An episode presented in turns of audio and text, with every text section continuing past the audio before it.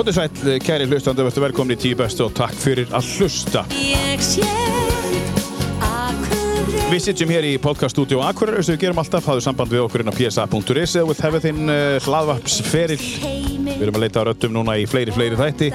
Þannig að hafðu samband að psa.psa.is eða þú hefur áhuga. Það kostar ekki neitt að byrja, það kostar ekki neitt að koma þar að stað. Við hjálpum þér, þannig að hafðu það bakverjun. um það Svo vil ég þakka kostendunum fyrir, það eru röpp, uh, nei það eru Norður Akureyri segi ég, við komum á röpp á eftir. Og Norður Akureyri á, uh, sem er uh, tvo uh, flotta uh, líkas, staði hér sem er líkasett, lík, líkasetta stöðvar hér á Akureyri. Uh, þar er þetta að mæta og skrá sig í gennum sportabler og þú þarfst að ná í kort. Nú sitjum við hér í haustmánuðum 2022 og það er alltaf fyllast hjá þeim þannig að það fyllist. Þannig að farið nú á Norður Ak og sjáðu hvað þú getur gert, kiptuðu kort og fara að mæta í tíma frábæri kennarar, frábæra aðstæða. Takk fyrir kostun á tíu bestu Norður Akureyri. Svo er Röpp uh, 23 að sjálfsögðu sem vart að kynna, þeir eru búin að vera með okkur lengi. Uh, við þakkum kellaði fyrir kostunna Röpp 23. Minnum á hádeigiskortin uh, á Röpp og Bautan og Pizzasmiðuna og sömulegðis á Sushi Corner. Uh, fjóri staðir, sama kort. Svo er þeir líka að opna fymta staðinn má segja. Þeir eru að opna í krónunni sem opnar hér á Akureyri innan skams. Þá verður þeir með sushi á staðnum. Takk fyrir kostununa á uh, 10 bestu Röp 23. Svo er það Vikings Tattoo á Akureyri, þeir eru í eh, Brekkugutu og það er gott að sitja í stólum hjá Munda og uh, hann er mikill famaður og ef maður ætlar að sitja í stólum í 6 vökkutíma þá þarf hann líka að vera skemmtilegur og góður hlustandi sem hann er. Uh, Mundi og Margrét hjá Tattoo, Vikings Tattoo Akureyri. Takk kærlega fyrir kostununa á 10 bestu mælum með því að hafa samband sér fyrst þess að það er allt upp í tveggja mánuða byggð eftir að komast í stólinn og finnur þau á Facebook. Akureyri.net er uh, uh, líka fyrirtæki sem við erum í samstarfi við. Uh, Skafti hendir inn fréttum um þann sem að kemur til mín hverju sinni og þakkum kærlega fyrir það. Uh, Skafti hjá Akureyri.net og svo er það Ölgerinn sem að skaffar kaffi allavega fyrir mig í, þessu tilfelli hér í dag. Þakkum kærlega fyrir það, Ölgerinn. Og síðan eh, tengdi ég mig við fyrirtæki eh, núna í oktober sem ég vil tala sérstaklega um. Það eru myndringar og alls konar. En uh, ég skora á því að finna þá á Facebook. Líklega á Facebook myndringar og alls konar. Það getur séð hvað hörður er að gera. Hann er að vinna skart úr gamlum myndringum og íslenskum. Þetta verður eins íslenskt og getur orðið. Þannig að kíktu á þetta. Slaufurnar sem þeir gera núna í oktober, bleikum oktober, eru slaufur sem að kosta 5.000 krónur litlar. Það er til í alls konar litum, alls konar gerðum, alls konar stærðum og 2.000 krónur að hverju slaufur renna til uh, Krabbameins félagið. Þannig að uh, það er gott að uh, við erum í góðu samstarfi við þetta frábæra fyrirtæki núna í oktober, mynd, ringar og alls konar og minnum við skorum á þau að fara inn á síðuna þeirra og líka við hana og sjá hvað hann er að gera. Engin spurning. Nú til minn í dag er komin uh, mikill akkurreiningur og við byrjum á lægi sem að hann sjálfur samti hann eh, Bjarni Hafþór Helgason. Hér er Guðrún Gunnarsdóttir sem að syngur og við mættum að fara yfir uh, það sem hann hefur verið að gera. Hann er búinn að semja tugi laga og við ætlum að fara í gegnum það hér í dag og fara yfir feril hans. Verður velkomin Bjarni Hafþór. Takk að þér. Gaman að fá þig, gott að fá þig. Já, takk fyrir það. Sumulegis bara. Já. Herðu, um, fyrst, fyrsta uh, sem ég langar að tala við um áður og fyrir að segja hver þú ert og kynna þig fyrir uh, alþjóð. Uh, segð okkur, þú ert hérna á Akureyri núna, það var eitthvað sérstatt í gangi núna. Já, ég var hérna með svona sögusýningu Já. sem kallað var í, í hérna Hlíðarbæ. Ég var hérna í reglu musterisrittara Já, já. og það staðið alltaf til eða rætt stundum að ég gerði svona grínsýningu eða sögusýningu þar sem ég bara segi sögur. Og sögur af hverju, er þetta, er þetta sanna sögur? Þetta eru sögur af mér og af og ömmu, pappa og mömmu þetta er allt veikindasögur, meira og minna. Já, sjúkdómar og veikind og alls konar vesen og húmor í kringu það sem að við höfum til að okkur og það var húsfyllir nánast held ég með að segja bæði kvöldin það var mm -hmm. setna kvöldi var í gerkvöld það var alveg sem sagt fullt og ég man ekki hvort það voru 5 eða 6 sæti Já.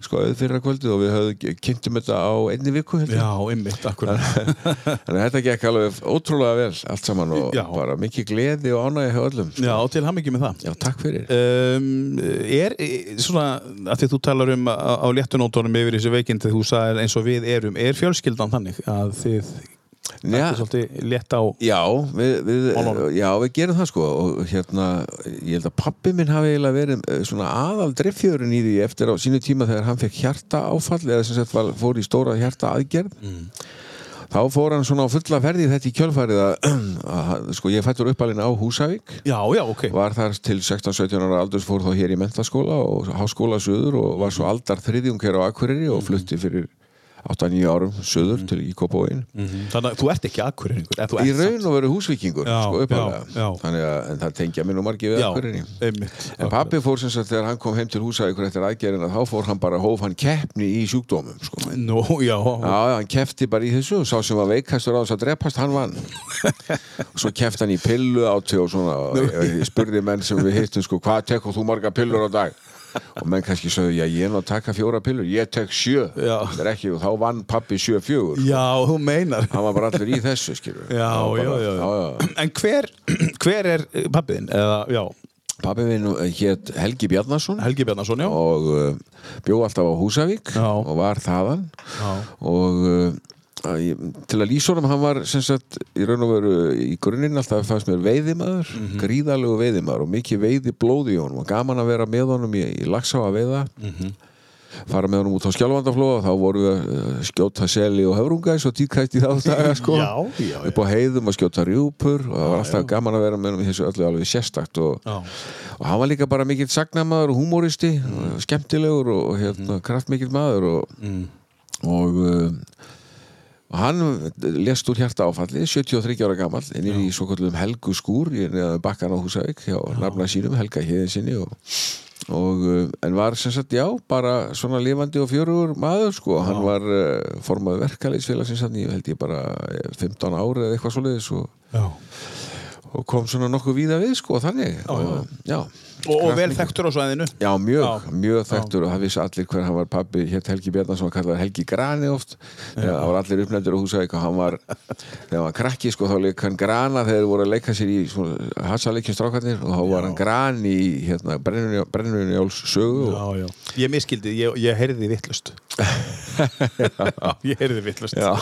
Helgi Grani Já, já. Helgi Grani. Já, einmitt, já. Og móðið mín hins vegar var frá uh, Hrafnkjelsdal sem er lítill dalur tvek, með tveimur bæjum í sko sem gengur inn úr Jökuldal. Þannig að ég er svona Jökuldælingur. Og Já. frá, hún var frá bæ sem heitir Vaðbrekka. Já, og, og var þar næst elst í tíu sískina hópi. Já, já, já. það fullt af merku fólki frá þeim sveitabæ eh, doktorar og, og skáld og, og alkohólistar og veiðimenn og snillingar og, og svona þannig að við eh, já Og móðin, hver var, er, er hún á lífi? Nei, nei, nei, hún er látin, hún hétt Jóhanna já. og hún var mjög virk sko í, í hérna, hún var til dæmis í bæjastjórn á Húsavík í 14 ár held ég Já, já, já Þannig þegar ég er batn og úlingur sko, þá er hún þar og, og þannig að ég upplýði aldrei nein, neina fyrirstöðu gott konum en það sko, þó að vera í gamli stílin á Eskoheimilinu á Húsavík mm. þá, og pappi uh, stjó, uh, svona, var með munnin hörin eða nefið eins og gömlu kallarni voru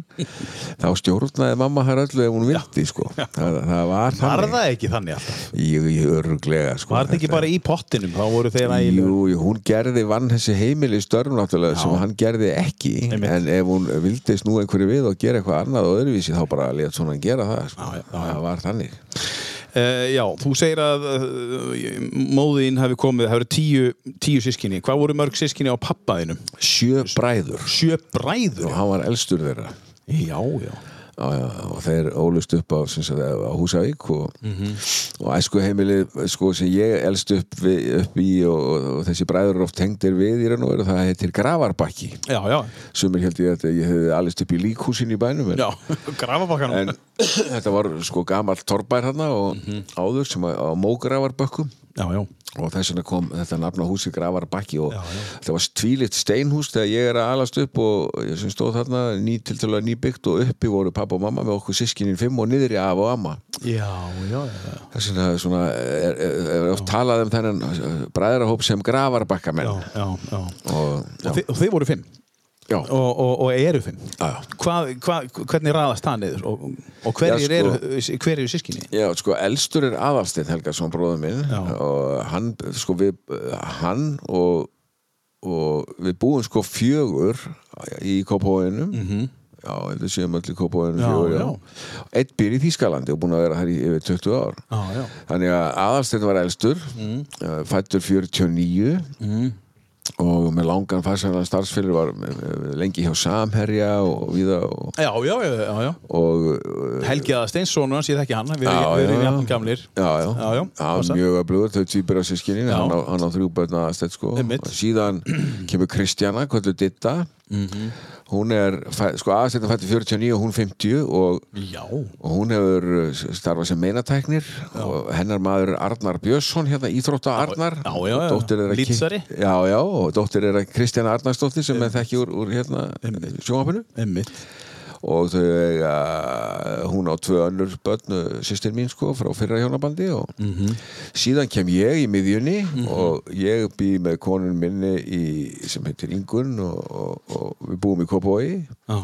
og eigum ekki börn saman en við áttum, ég átti tvö fyrir og hún eitt þannig að, Mhm. að og svo kemur Helgi bróður minn, Helgason, sem býr í Þýskalandi búin að búa í Kúksafen í yfir 20 ár og reyka það stórt fyrirtæki Já, já. Tengist fiski þá? Já, Já, já. Er að vinna fisk og, hérna, og já, frá Grænlandi meðal annars og, Já, já, og vinna þarna nýr á Európamarkaðin og, og uh, hann á uh, fjögur eða fimm hvað er það, hann á rifið upp, hann á fjögur. Og svo kemur Ingibjörg yngst Já. og, og hennar, hún er ég, alltaf að segja, ég segi alltaf þessi hjúkur að verða það brjálaði kona mín er líka sko hjúkronafræðingur og, og þá var maður að tilengja sér alls konar nýjirði sko. Já, já. Hjúkur er ekki vinsælt. Nei, nei, þá nota ég það. Já, það er meira, meira stuð í því. Þú færi viðbröð. Já, já, það erum alltaf í þessu sko. að vera halda upp í húmórnum og við, ég nenni einhver svona réttrúna tali og svona, svona high moral þegar mann er að setja sig á hæ- hæ- hærri moralska standard Nei, við annað fólk, mér finnst það bara full- fullkomlega surrealist en hún, uh, Inga sýsti mín er gift lækni og þau t- tvo sinni og svo er komið barnabönn í þetta hér og það er alls þar og fullt af þeim þannig að En sko, mikið af, ef, ef, ef, ef ég hafði rétt fyrir mig og hlustaði rétt á mikið af svonum í sískina hópnum, eða er það rátt sem er, mikið af strákum, eða er það, blandast þetta bara? Já, það kom um tíma í barnabönnunum fullt af strákum, ég man ekki hvernig þetta var eiginlega, þetta var, það var ég man og ég þarf að fara að rifja þetta eitthvað tíðan upp en það var alveg, alveg surrealist sko. Og þegar ég egnaðist fyrstu tvö barnabönnin sko, sem voru, þá voru það drengir já, þá var einhver umræðum að þetta lit að fara að koma að stelpum og ég egnaðist reyndar barnabönd sem dóttur núna í júni já, til hamingi með það. Já, takk fyrir, Æðislegt, þannig já. að ég á þrjá svona gimsteina sko. Já, já. En pappiðinn, og þeir voru náttúrulega sjö bræður. Já. Og, og, voru einhverju tvíburar þar eða þrýburar? Nei, nei, ekkert Bara slíkt. sjö bræður. Já, bara sjö bræður Magnað. Já, þetta er mjög sérstætt og hérna, Maður er oft heitum þrjá fjóra, sko. já, ég var, Sjö. það var einn að spyrja mig hvort ég væri nokkuð að hugsa um þá, ég, ég skrifaði bók sem kom út fyrir tveimur árum held ég, svoleiðis, Já, sem er til á Storytel og heitir Tí- Tími til að tengja einmitt. og þar er ein sagan tvist úr sko uh, Mjallkvist og dvergarnir sjö Já. og Adam. Já, og, uh, sem átti sinni sjö. Já. og Adam, Adam þessi er giftur mjallkvíti ósk og þau eignast sjö Já. sem allir eru dvergvaksnir og þetta er mikil örlega að saga. En Ertu þá að skrifa um sískinni pappa? Nei, menn voru að veltaði fyrir sér ykkur ég sagði nei, þetta er nú bara skátað úr Adam, Adam og Mjallkvít, þau áttu sjö sinni Já. þetta þetta kom ekkert út af því að pappi Nei, það var ekkert sérstaklega þannig.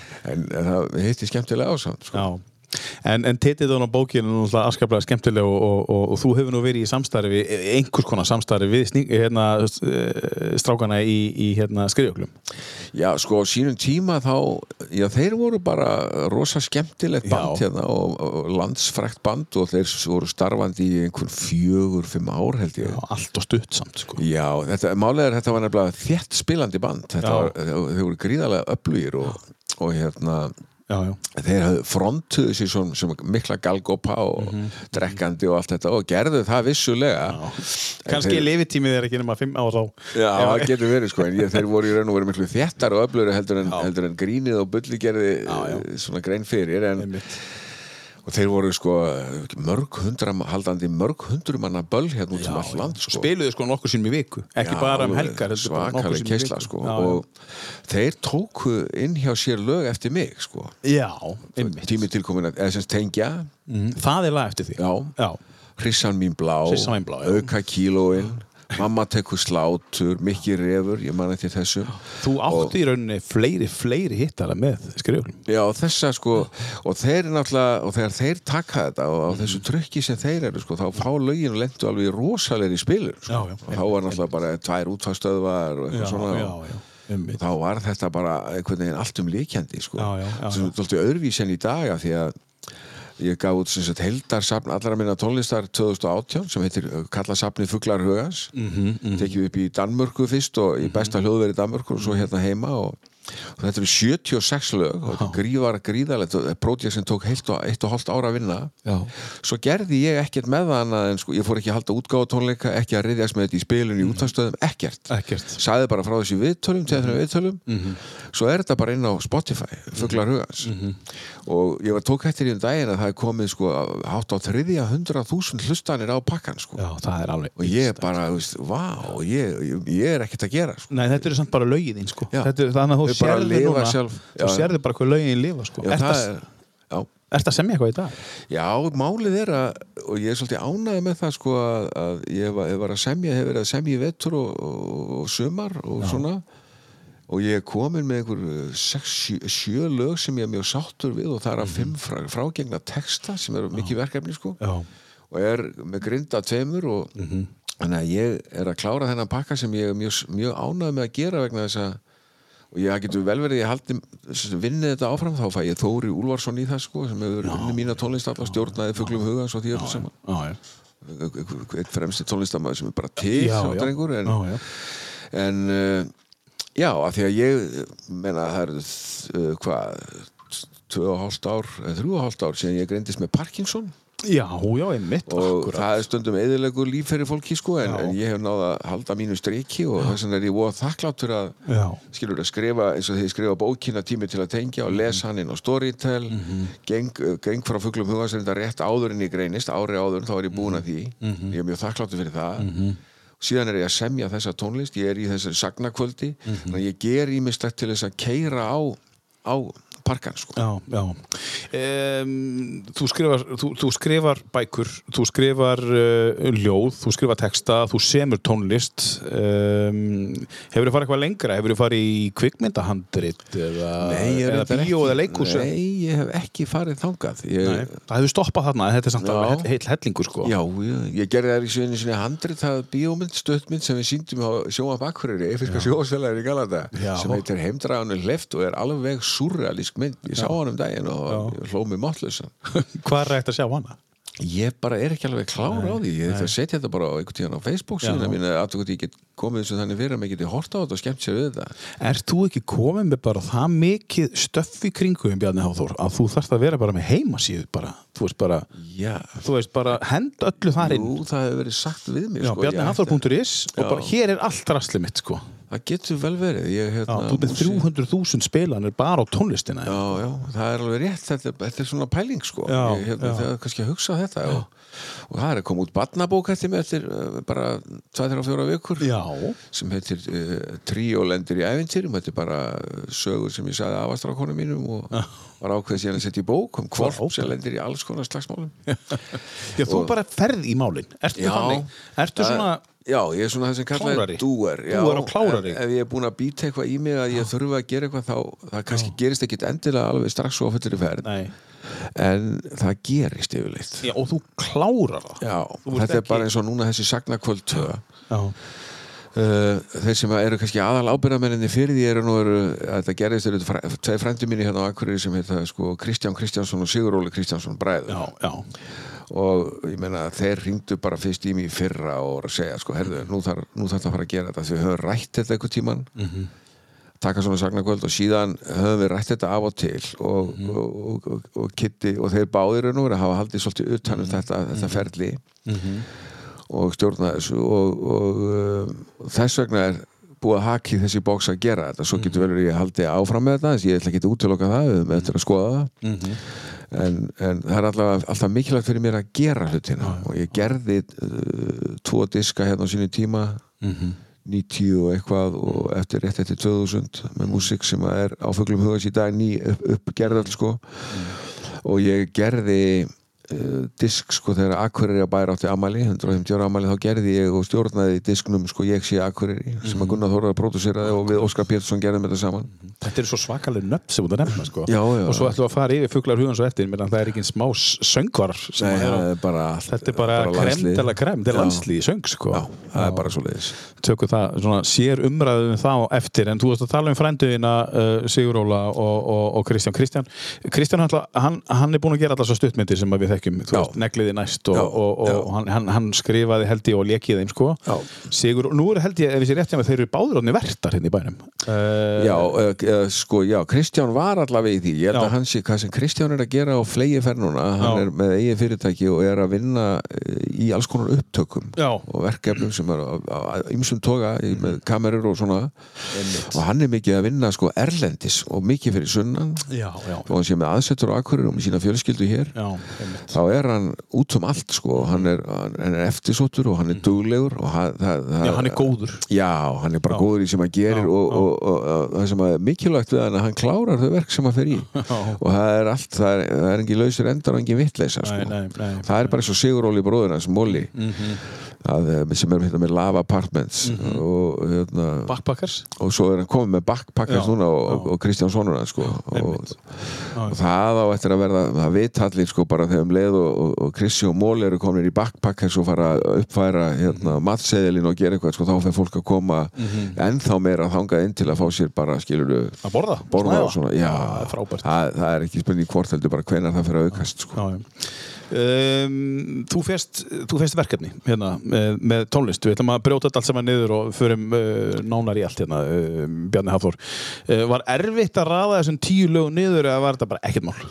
sko ég valdi náttúrulega ekki, ég get ekki valið tíu lög undir heitinu tíu bestu ég, það er ekki fræðilegum möguleiki sko. ég, því að ég get skipt um skoðanir á lögum út á suður og mér finnst oft frábælega kompóseru smíðuðu lög uh, ekki skemmtileg sko. Mm. Nei. en dáist að uh, smíðinni og hvernig þau eru unnin Mhm. það sem ég gerði hérna í þessu var að velja bara svona, svona from the hip, bara eldsnögt úr huganum bara Mhm. Bara létt hugan bara rúlla og reyka og valdi, uh, spurði Önnu Hafþórsdóttur dóttur mína og, og svona fleiri, hvað hva myndið þú halda að ég myndi velja? Og þá, þá benti hún einmitt á Sepomæ, við þurfum að taka það. Já, já, já, og málið er að Sepomæ er sko uh, með sænskum flytjanda sem heitir Jan Jóhansen. Og ég valdi það bara vegna þess að það, það er gott lag, Já, þetta er sænsku flytjandi og var í Eurovision 1995 já. þá er Anna dóttir mín sem er, er nú rittöfundur og, og leikið í myndum og skrifar Já. handrit og allt það.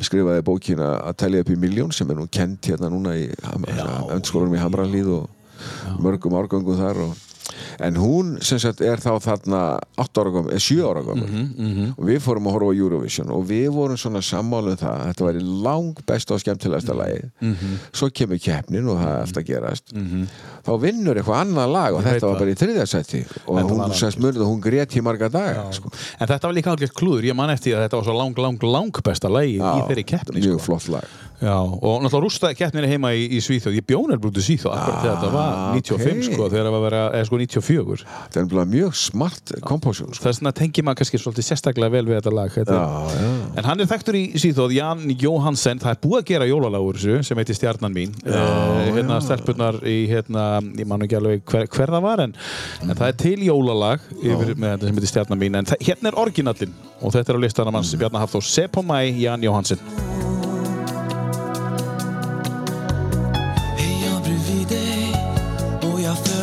Stick to talk.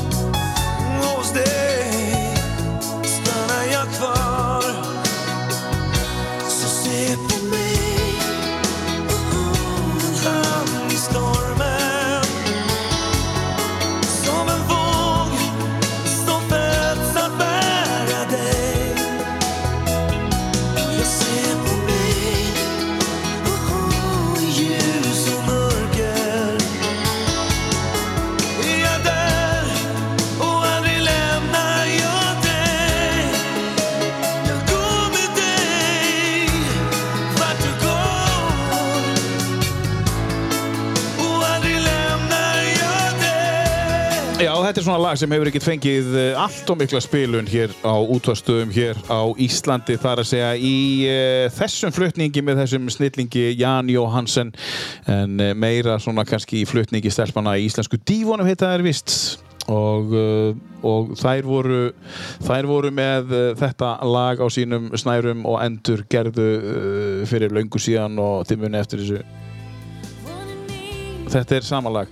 Þannig að ef þú vart að spá í, þú veist, spá í það. En frábært lag, einhvað síður, Bjarni Adolf. Um, og þetta er svolítið þú. Og þetta á þú með önnu dótiðinni Já, það hefur minningar um þetta lag Já, minningar um þetta lag. Já, grátklökkar, hún, Já. hún fór mikið að skæla hún, var, hún, hún henni var bara stór undarlegt með hvað við vorum búin að ræða þetta saman, þetta skildi Já. lag, skildi ekki vinna hún bara skildi ekki Nei, nei, hún, nei. Ég, ég, ég lendi því sama. Ég, ég er algjörlega sammála. Ég bara, hverju, hvernig getur þetta lendi í þriðasetti? Herðu, en um, aftur aðeins til, uh, fyrir, fyrir, undir Húsavíkur. Mm. Uh, þú varst þar alveg þá þú var 17 ára. Já, Hvernig var uh, alveg upp á Húsavík? sko ég á ábáslega bara fallegar minningar um allt sem tengist Húsavík og ég til dæmis er á Húsavíku síðunni á Facebook sko Já. og það er einhvern veginn allt hlýtt og gott. Ættingjarnir mínir, allt fólki og það þýðir það að ég hef átt góða æsku sko, auðvitað úlíkisári voru mér erfið. Það, það, það er erfiðasti tími sem ég fór í gegnum. Ég var seinþroska. Já. ég var mjög bráðgert barn og duglegur og, og, og fljótur að hugsa og kraftmikill svo fer maður á gelgiskeiðið og þá fer ég, er ég svona aftarlega Já. skilur ég er aftustu 20-30% tónum Já, já, sem er í sjálf og sér allt í lægið það skiptir engum máli. En þegar maður er svona varnalus fyrir þessu og viðkvæmur einhvern veginn þá, þá, þá lendi ég bara í alvarlegri blokkeringu sko Já. Þá, þá bara sjálfur með sjálfan. Já, Já. ég meina, mér fannst ég bara fá bara eitthvað högg sem ég gæti ekki rætt og það braut mig niður sko. Já, já. og hérna, mjög skrítið ég hugsa stundum um þetta og svo hef ég rætt þetta svo náttúrulega bara þroskast ég bara næstu 2-3 árum eftir og allt, allt bara venjulegt og allt það en, en ég hef oft rætt þetta til dæmis á AA-fundum og, og viðar sko hvað, hvað, hvað, hvernig markerar svona mann fyrir lífstíð Já. þetta eru sárar stungur sko. það, það er sárt að þegar maður lendir í einhverju svona stöð og getur ekki talað um það við neitt og það er engin leið út sko. maður þarf bara að býða þetta af sér og, og, eða, eða, það, og, og þegar maður er 13, 14 og 15 ára þá býður maður ekki af sér, maður er bara í sársöka Já, já, einmitt. þannig að. Þetta var markarandi reynsla sko. En þetta er það eina sko, sem að allt var, annars var bara einhvern veginn sól og blíð og mikið stuð og gleði sko. Já, já, Það, var, það var það. Og, og í grafabakka æsku heimili mínu var alltaf gaman sko. af og amma náttúrulega flutti í annað hús þe- þe- þegar það var ekki bara pláss sko, fyrir þennan hóp, þetta var ekki það stórt hús. Það þurfti að flytja niður líka. Já, já, Já, já. Og, og það var alltaf svona reyfing og, og, Mm. og við vorum kvikkir og, við, og við vorum alltaf sko, eldri sískinin tvö aðastegn og, og, og, og Ditta eða Kristjana þau eru svona aðeins undan okkur 5, 6, 7 árum 7-8 árum eldri en ég. Já, svo komum við þrjú í röð sko, ég, Helgi bróðir og Inga sýstir og við hafði tvö ára á milli okkar. Þannig að við rúndum svolítið saman í gegnum þetta frá því að vera 7-8 ára og upp í eh, 15 og eitthvað svona og þá var svo mikið stöð í húsinu og fjör og alltaf allt í gangi og mjög, svona mjög líflegt sko. Og hvað hva gerðu þið? Meina, þið, þið léku ykkur þá mikið saman, bara svo Já, sko, já, já, sko, Inga var náttúrulega átt einhverjar vinkonu, sko, Já. stelpurnar, sko, við Helgi bróði vorum saman náttúrulega í fótbolta, út Mhm. á söður í fótbolta. Já, þið voru í fólk og svo er náttúrulega þegar ég er tveimur ára er eldri en hennar þegar ég er 15-16 þá fyrir ég náttúrulega að drekka vín og allt þetta, þá er hann ekki alveg komið þónga Nei, nei en Og þá svona slitna kannski öllítið um já, helgar allavega svona, eitthvað. svona breytist aðeins sko, Já, já. dýnamíkin. Já, já. Eðlilega bara, þetta Já, er þannig að að fólk elst upp í sama hreirinu, Mhm. þá erum við öll saman svona, í klessunni og svo byrja menn að þroskast og stækka frá því. Mhm. svo fljúa menn úr þessu hreiri og ég segi alltaf að það er mjög mikilvægt þegar að, uh, svo þessari þessum reyðurtíma líkur og allir eru orðin tvítugir og farnir að þá takk ég með sjálfstæðar ákvarðanir um samskipti. Það, þú átt ekki uh, þá ekki að negla fjölskyldur saman um eilíða tíma að þú átt að bjóða bróður þínum eða systur þínu að vera hér af því að hann er bróður þínu eða systur þínu eða frænka þínu eða frændi. Ekkert svoleiðis. Og menn eiga aldrei að gera þetta. Menn eiga bara að stopna sína eigin fjölskyldu eða fara í sinn lífsferil og halda síðan ef að þessi samskipti halda milli sískina þá er það afar dýrmætt. Og við erum gríðarlega heppin ég og, og mín sískinni við erum bara nánir vinir okkar æfi en ég vissum að í helmingi sískinahópa um, að- bara um heim ég gjörð alla þá er það ekki þannig. Það er eitt eða tvö útúr og það hefur eitthvað gerst eða þá bara passa ekki saman. Og það er allt í lægi sko. það er bara mjög mikilvægt að menn átti sig á því að það er bara í góðu lagi. Og þá ekki að þvinga menn í neitt. Ef að eitthvað kemur fyrir verður eitthvað uppbrott millir sískin út af einhverju málum eitthvað gerist, fínt, allt í góðu Já. bara eins og með öðru og hérna Með svo annað fólk bara Já, bara, þó að menn hafi verið saman í hreðri Mhm. þá þarf að gæta sína því að búa ekki til úr því einhver, einhver, einhver, handjátn sko. Það er bara, lífið er ekki þannig og við lifum ekki það lengi að, við erum að vera eða tímanum í svoleiðis vittleysi skang sko. En er þetta eitthvað sem kemur frá foreldrum þessi filósofía er eitthvað sem þér þykir núna? Eða va- Ég, ég held maður að orðið meðvitaður um þetta sjálfur þegar maður Já. fór, fór að stækka sko, nei, svona mál voru ekki rætt með þessum hætti. Þetta, þetta var bara duglegt verkafólk sem að hérna, skemmtilegt og gott fólk og, en ég náttúrulega fer í áfengismeðferð í lok síðustu aldar Já. fyrir 23 árum, næstu því 24 árum síðan. Mhm. og hef ekki drukkið áfengi síðan en ég sæki vikulega aðfundi og hef gert það síðan. Já, já. Hver einustu viku og þar ræða menn í mig svona mál um lífið og tilveruna og, og, og hérna ímsa svona augljósa hluti sem að fá form í hugsuninni sko. Mhm. það, það er kosturinn við AA-fundi það er ekki bara það að halda sér frá neyslu áfengis eða livja eða, eða slíku heldur, heldur ekki síður svona þessi mannrækta faktor sko. Já, umræðan um- já, og tala, opna sig. já, Já. tjá sig, Tjá sig. tala um máli, líðan og annað að gríðalega gagnlegt. En þið eru nú, lítur að vera á einhverju tíðapunkti e, nánari en kannski e, þið búið öll í kópái er, er, er það óvart eða er það bara því að þú veist, Já, sko allir sé ekki. Já, Sko ég hugsa nú að uh, starfsferðlar hafa einhverju leiti ráðið mm. þessu sko. Að sýsti mín og hennar maður yngri sýsti mín, hún er uh, hjúrunarfræðingur og hann læknir þannig að þau byggur nú Akureyri um tíma.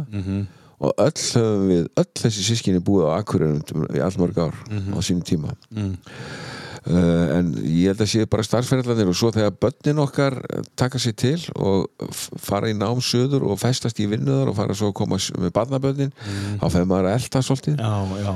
Og til dæmis þegar ég fór söður fyrir 8-9 árum síðan þá og var ég að kynnast sem sagt konu eða bú, búið að hlæja mikið að þessu því það er uh, talið að Ingibjörg sýsti mín hafi komið okkur saman mér og Ingunni sko konunum minni af því að hún fór að mattsa þetta saman já var ég á Akureyri en Ingun fyrir sunnan sko það er búin að þekkjast í 20 ár Já, það sko, er sem skurði okkur saman í námi og svona. Já, og Inga sýsti fór að búa til einhver leikrit úr þessu til að koma okkur saman það reynda gekk, svo, gekk svo upp. Er ekki En máli var líka það að ég var náttúrulega búin að vera hér á Akureyri í alda þriðung og mjög gladur og hamingisamur og mm. bara með hérna, unni hérna í meðal annars hérna í- við sjónvarpi og, og lífir í sjóði og síðan hjá KEA. Já, það var frábært að vinna hjá KEA uh, virkilega flott fyrirtæki og, en svo uh, sonur minn, eða dóttir mín Anna Hafþórsdóttir, hún bjó fyrir sunnan og, og, og það var að ljósta hún er í þar áfram, hún er í reytöfundur og kvipmyndagerð og ímsu svona.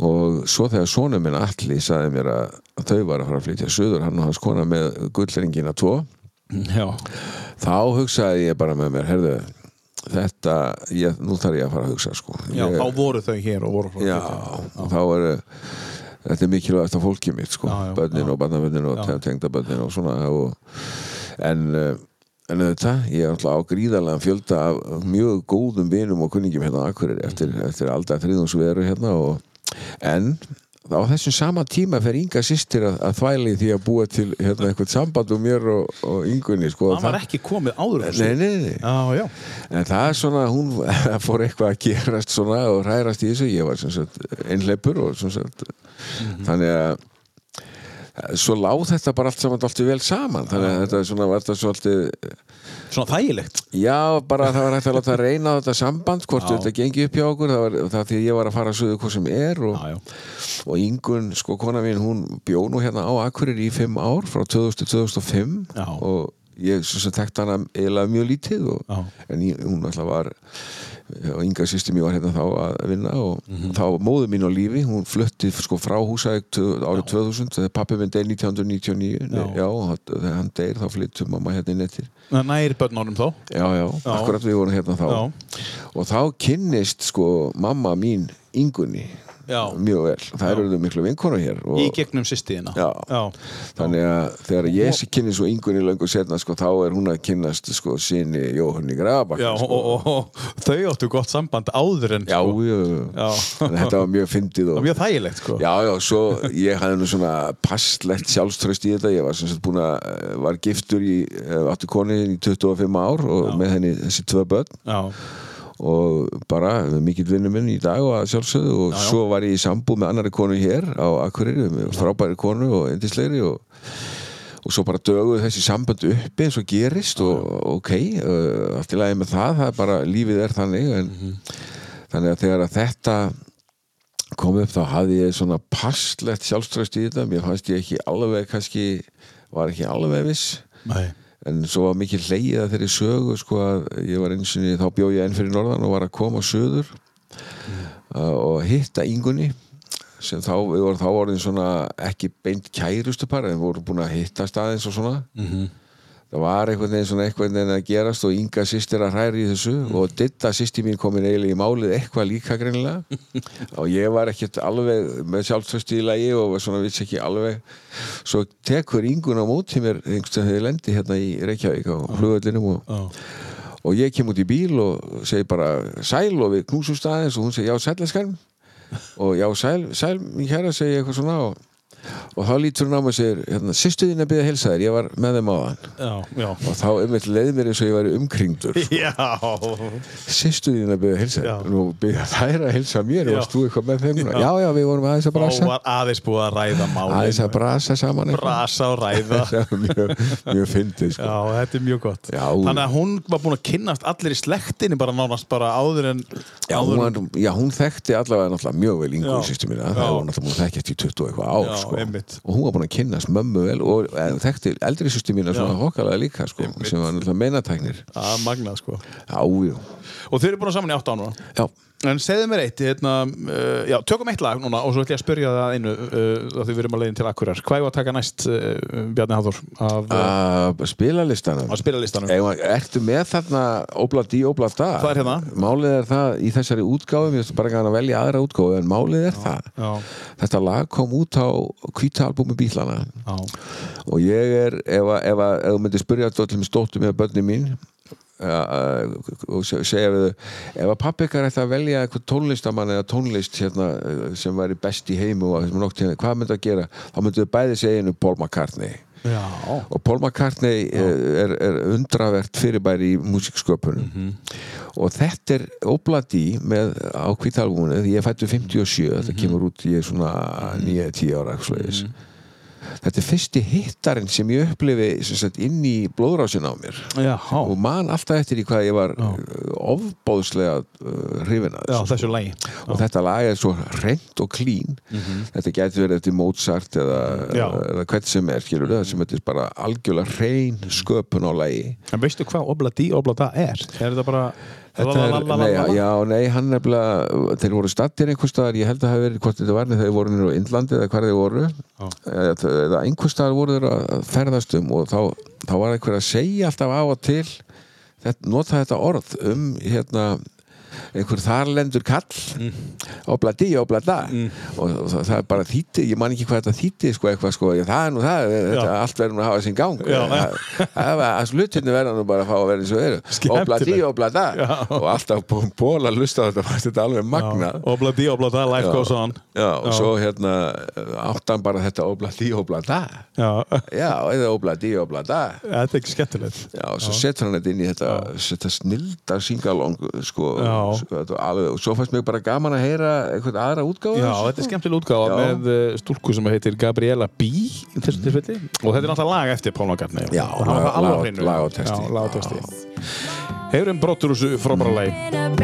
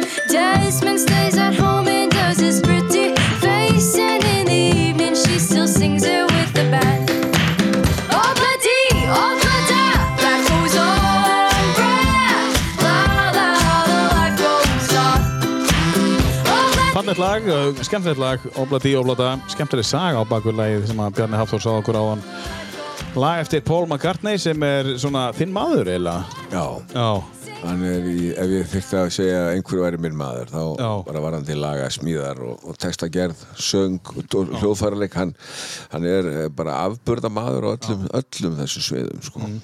Stórmerkilegur Þú sagði mér áðan að pappiðin hafi verið mikill sagnamaður. Þú ert mikill sagnamaður sjálfur, að- fólk sem þekkir þig. Já, takk fyrir það Og það er nú bara þannig.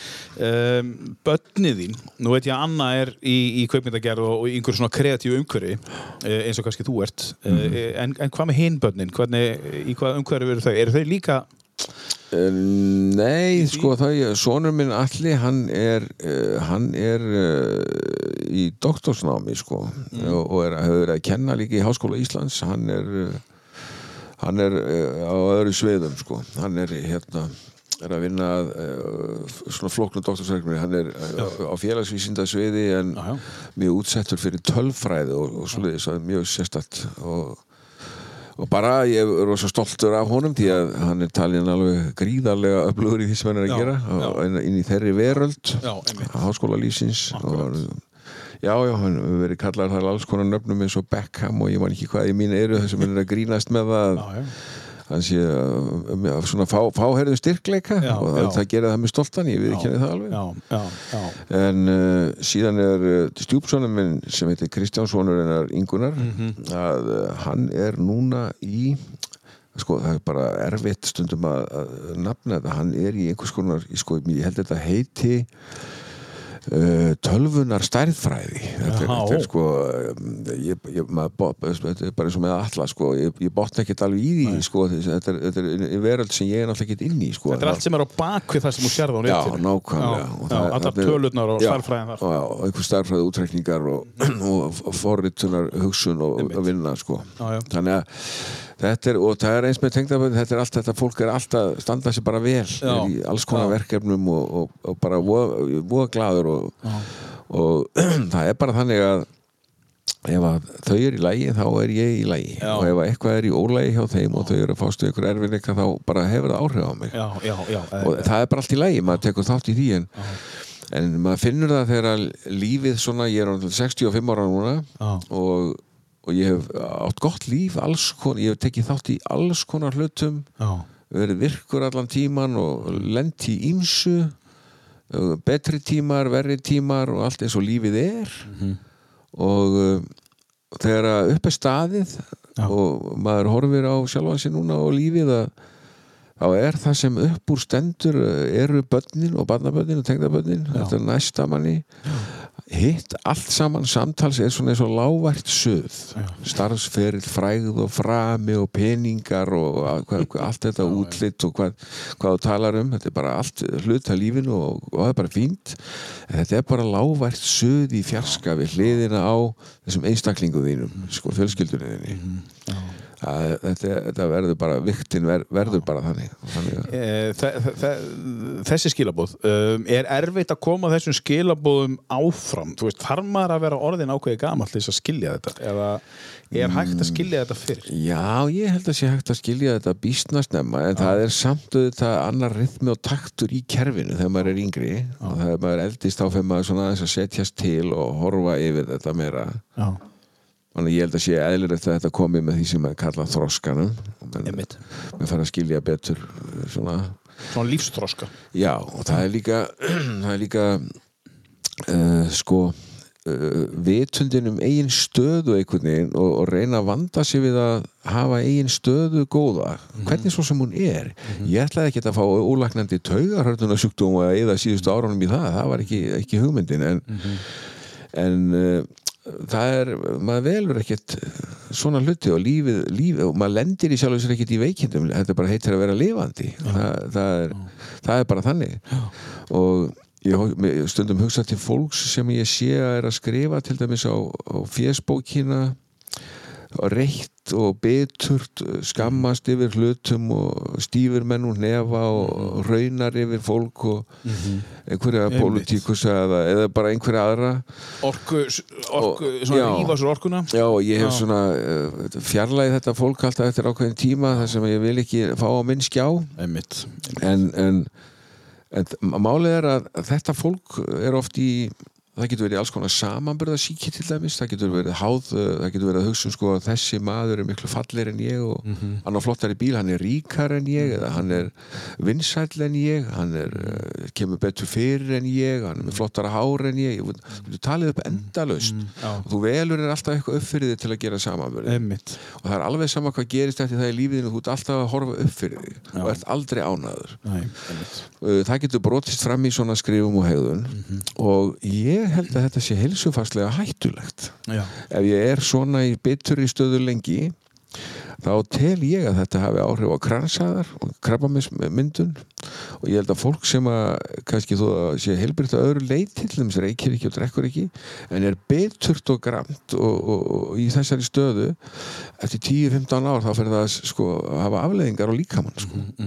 og menn verður bara að koma sér út úr þessu Já. og bjarga sjálfum sér og hætta þessu og, og flytja sinni eigin þangagang yfir í einhverja sátt Já, einmitt. mann langar auðvitað að vera frá grunni eins og bara gamlar ömmur eða afar sem er alltaf skilur jæja vinnur, þetta er nú gott. Jú, nú skulum við bara fá okkur kleinu Og, og mjól. og mjólk og við skulum bara vera hérna að horfa á fugglarna hérna út á lóðinni. Já, ef maður getur verið þetta er alltaf svo svona satt, sko. bara verið þarna þetta þá er þetta góða áhrif á líffærin. Ekkurat. bara all, all, allt kerfið sko. Frekar en að ykkur staðar.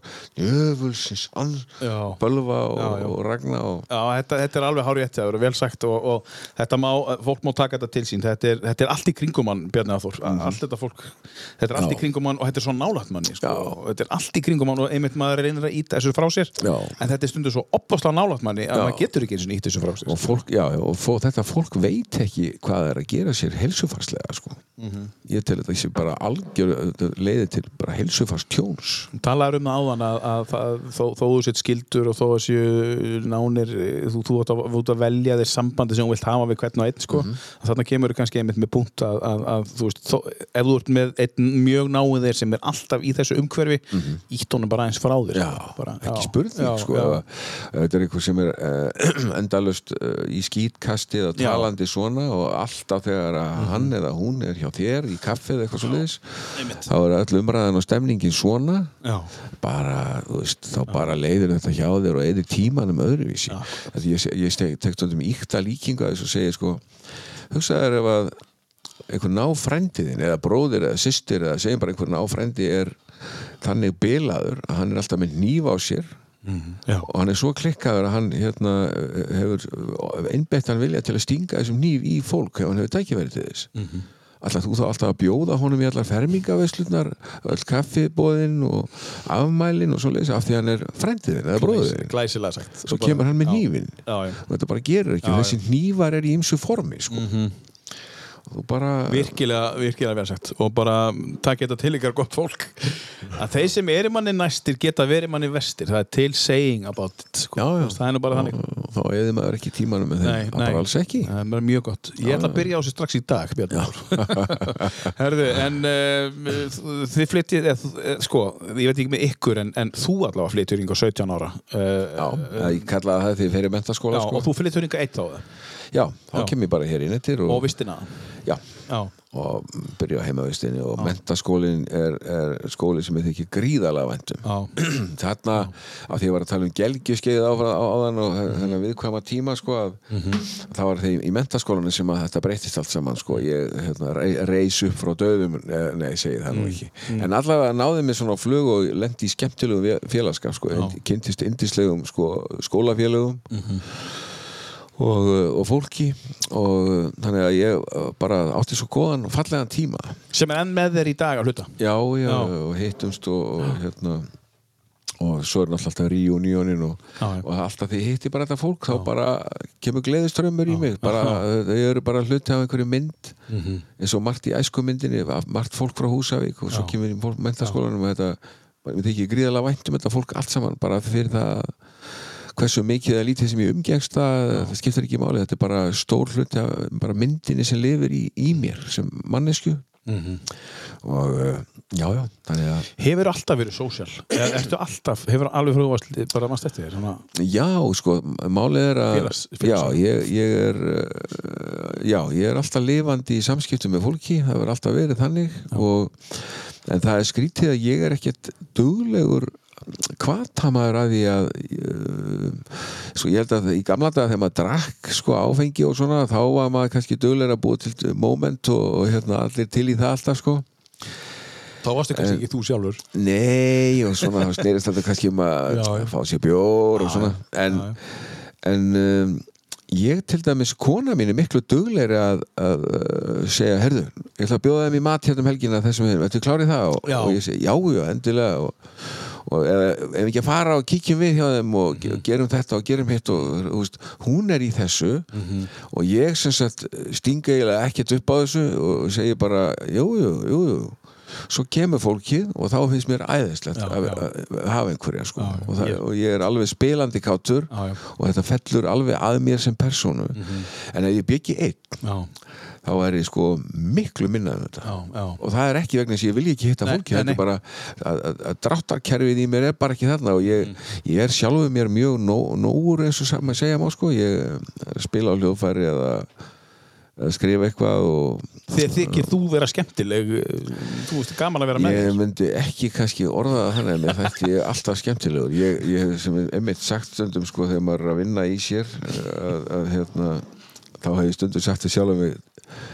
rosalega ertu búin að vera leðilegu síðasta hálftíman þá er ég að setja eitthvað og hugsa eitthvað sko negatíft eða krefjandi sko eins og bara eh, heila starf sem minn vinnur sko.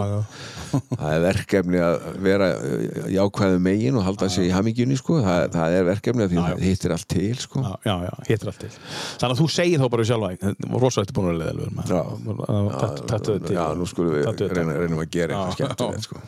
Herru, ger eitthvað skemmtilegt. Við ætlum að fara og, og, og tala um mentaskóla árin hér eftir næsta lag. Hvað er að taka næst, uh, Bjarni Áþór? ég veit ekki, hvað erum við með hérna? Erum við með Við erum með til dæmis uh, þetta hérna, númer fjögur uh, þetta er nú þinn maður að hluta hérna uh, Paul McCartney the með- Sun, það er flott það, já, tökum það bara það eitthvað sem tengist kannski mentaskóla já, ég veit það já, það gerir það nefnilega Já. vegna þess að þessi platta er gerð upp úr 70 Já, ég verð stúdent frá Emma 78 Mhm. þannig að á þessum árun 74 til 8 þá er þetta þá er Abbey Road platan Mhm. mikið spiluð og, og ég tengi alltaf plöthumslæðið við já, á Emma Já. þannig að þú hittir alveg spot on. Já, já þetta. Já, Já, þetta er bara fallet lag eftir George Harrison.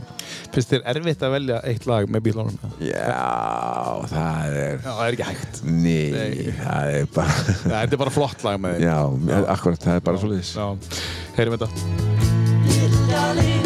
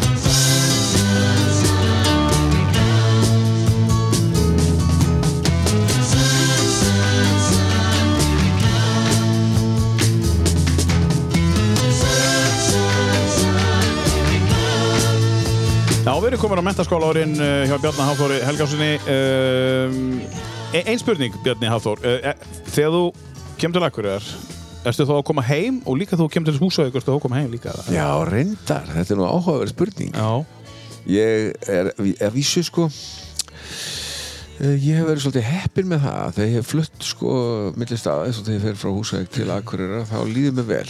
Já, þó mér hafi liðið vel á Húsæk þá leið mér líka vel á nýjum stað Mhm. þegar ég flytt svo frá Akureyri eftir öll þessi ár í Kópavóin þá leið mér líka vel. Það- ég var bara strax svona heimilis uh, heimilislegur í mér. Mhm. þannig að en ég þegar ég kem hérna bara yfir máltöknuhálsin ef ég kem keirandi sko, þá syng ég bara ég sé akkuriri í huganum einhvern veginn þegar ég kem og, og aðeins til húsækur það er náttúrulega, alveg, alveg ræturnar sjálfar sko. Hvenær kom það lag til þín ég sé Akureyri? Það hlýtur að hafa komið einhvern veginn bara sest maður niður og bara, að nú ætla ég að skrifa lag um Akureyri eða svona kemur Nei, það er, ég man sko að, að hérna, sko Akkurir átti amali, Mhm. 150 ára amali og ég man ekki alveg aðdraðandana því að við vorum að ræða um að, að, að, og, að gera þennan disk, við vorum að ræða þetta ég og, og hérna, Óskar Pétus og, Mhm. og svona og þá uh, fæðist þessi hugmynd að semja lag uh, ég, ég samdi lag sem heitir Hún Reykjavík og vann samkeppni 1986 þegar Reykjavík var 200 ára. Já, já, og, uh, sem, og þetta, það laga líka áföglum hugans og, en þetta lag ég sé akkurir að ég man að ég átti á þeim tíma þegar ég er að hugsa um þetta lag bara fyrst þá á ég eða átti ekki það, það sem var til á hljómborðið fyrir mér var þetta stef bam bam bam bam bam bam. Eins og kirkjuklukkur sko. Dom dim dam dim dim dim. Já, og bara þessi tónar. Já, já, mér fannst þetta svo grimmfastir já, sko. að ég hérna bara einhvern veginn þetta bara setti staði í höfðun á mér. Já, og það er út frá þessum tónum sem ég fyrir að hugsa smíðin á læginu bara dum dim dum dum dum dum og síðan verður er grjótmjölingsvinnan að fara í textan allan sko. Mhm. og uh, ég var opbóðslega ánaður þegar Jóhannes heiti Sigurjónsson hérna skrýpandi á húsæk rætti við með þennan texta? Og hann, hann, hann sagði við mig, hann tal, telur þennan texta í þessu lagi algjört masterpiece Já, masterpiece, sagði sko. Hann sagði bara, en það er hann sko ég valdi þá leið að í staðin fyrir að lýsa bænum sem er fa- fallegur með græna skóa og full í kringu sem að gera þá lýsi ég þessu innan frá persónu sem lifir. Og sem lýsir sjálfrið sér sem er á er, hún- er á sínu hvorum bakka árinnar sem rennur í gegnum bæinn. Og og eh, eiga minningar og og til dæmis viðlægi sjálft ég sé Akureyri uh, uh, það er samið sem sagt, ljóðformið er, er margra alda gamalt í raun og veru. Það er tvístöðlun í hverja einustu línu. Og uh, svo stöðla ég náttúrulega og, rýma í öllum versónum en uh, þetta, ég, lendi í því að ég vildi gera þetta svona vanda þetta mjög en þetta þarf samt að líta þannig út þegar þú rennir í gegnum þetta þetta sé fullkomlega já, og það var, þetta kostaði mig margan Það- það- stundum, ég vakti á nóttunni stundum, ég gat bara ekki sopnað út af kannski tveimur orðum, einu orði. Og, og einu sinni sa- satt ég uh, þá var endi kona mín sagði, nú, ert, ert í lægi sko, þá, þá gat ég ekki tekið ákvörðum og og en í Já. tvo þrjá daga já, sko, já, já, út frá einhverju flæði sko. Maður maður lendir í svona Já. þegar maður fer, lendir hún í svona krupningu þá er þetta langt Já. beyond það sem nokkur er að spá í annar sko. maður bara er einn í þessu sko. En ert þetta þú með allt sem þú gerir? Já, hefur Já. þetta lagast í gæsulöfum, skilur við? Ég, Eða- ég ádálti sko þegar ég fer í textagerðina ég svona get sagt þér það að ég eh, er búinn að semja lag núna og texta sem að er ekkert komið út þegar sem að hefur vinnuheitið núna Harmur þinn og fjallar í raun og veru um það að þegar ég er með minn sjúkdóm og svo framvegis leiði hugan að þeim sem hafa það miklu verri en ég vegna, vegna gríðarlegra áfalla sem að fólk hefur orðið fyrir. Og, og þá finn ég þegar ég hugsa hlýtt til þessa fólks hvað það gerir mikið fyrir mig þetta fólk. Já, já. með harmi sínum. Já, einmitt. og ég sem sagt eh, ég opna daginn oft í leita þér ef ófagnuður sækir hart að mér. Já. fyrstu línunar Já, og ég var til dæmis stoltinn tíma að finna ég, það er að stöðla þetta eins og ég vil þetta með sérhljóða stöðlum og, og ég var mjög happy þegar ég fann orðið ófögnuður. Og hérna og það, svo gengur ljóðið allt út í gegn og ég er búinn með það. Og það, það er um, það var mikil vinna lægið sem sagt var ég búinn að semja meður og minna á undan. Og ég uh, bind vonir við það að ég, ef ég fer með þetta lengra sem sagt að pródúsera það, læt Þóri Úlfarsson fá þetta í hendur og svona þá, þá endum við með eitthvað sem ég verð sáttu við. Já, já, já. en það, já, já, þetta er oft ég og, og til dæmis skriðjökla lögin og textarnir sem ég gerði sem er svona grín og flím og fjör sko. þeir eru samt sem að ég samt er endar ekki tengja textan hann er algjört bara bull frá byrjun til enda eftir Arnar Björnsson, máminn Já, já, Arnar sandi það, já, þann texta. Það er frábært. En, en sumt sem er uh, eins og kannski delluteksti eins og Hrissa mín blá. Já, hann er samin út frá countrybilgjunni sem að var í gangi á Skagaströnd og svona. Og þar var mikið um áendingar. Velkomi sértu country þáttíðina á þá fyrstu sinna hér á landi hér á landi á. Og eftir gresjunni kemur maður íðandi hesti áari svona staði sem er að mætur á. Þess- blá. þess vegna gerði ég viðlaði sko hrissa mín blá, hrissa hrissa blá segðu þeim okkar æfintýrum frá, Frá. sjaldan við vorum heimaslóðum á en verðum alltaf þeim uh, frá, já. Geggjað og þetta er Vá gaman að heyra þetta í fyrsta skipti Já, og svo eru versin þrjú í læginu sko, Já. hrissa mín blá eru óstöðluð og, og, og, og allt það er bara með rými eins og var alltaf í þessum countrylögum. Já, þannig að þetta er tribut til þeirrar já, vá, geggjað. og bara hugsa þannig sko. En er þetta bara þú ert að keira fram hjá blöndósi bara, þetta kemur þá bara til þín eða ertu bara, nú verð ég að gera eitthvað eða, hvernig kemur allt í þínu bara til Ég veit það, nei, þetta er nú þannig að ég er bara einhver staðar í góðum fíling heima hjá mér að- að að- að fá bara hugmynd. Já, já. og þetta hefur alltaf fyllt mér bara frá byrjun þá er ég bara úlingur að, að, að var að plokka og læra á gítar og hafa píano heima líka að ég fór alltaf að semja. Já. ég veit ekki, ég var og ég hefði, það sem ég hefði átt að gera var að fara miklu meira að læra að spila og fara í agaðan hljóðfærileik og fara í hljómsveitir eða, eða bara í nám sko að, að spila agað. Já. en ég gerði það ekki. Ég hefði enga yrði í mig til þess Nei. og ég var bara að semja sko, og er bara sjálfmentaður í þessu öllu saman og, já. og er takmarkaður að því leiti og en ég veit ekki hvað hefði gerst. Ég hefði, hefði kannski hérna Spurning hvort þú sætir hér ef þú hefði farið í klassiskan bíólaug það er ekki víst. Nei, ég er að meina það sko.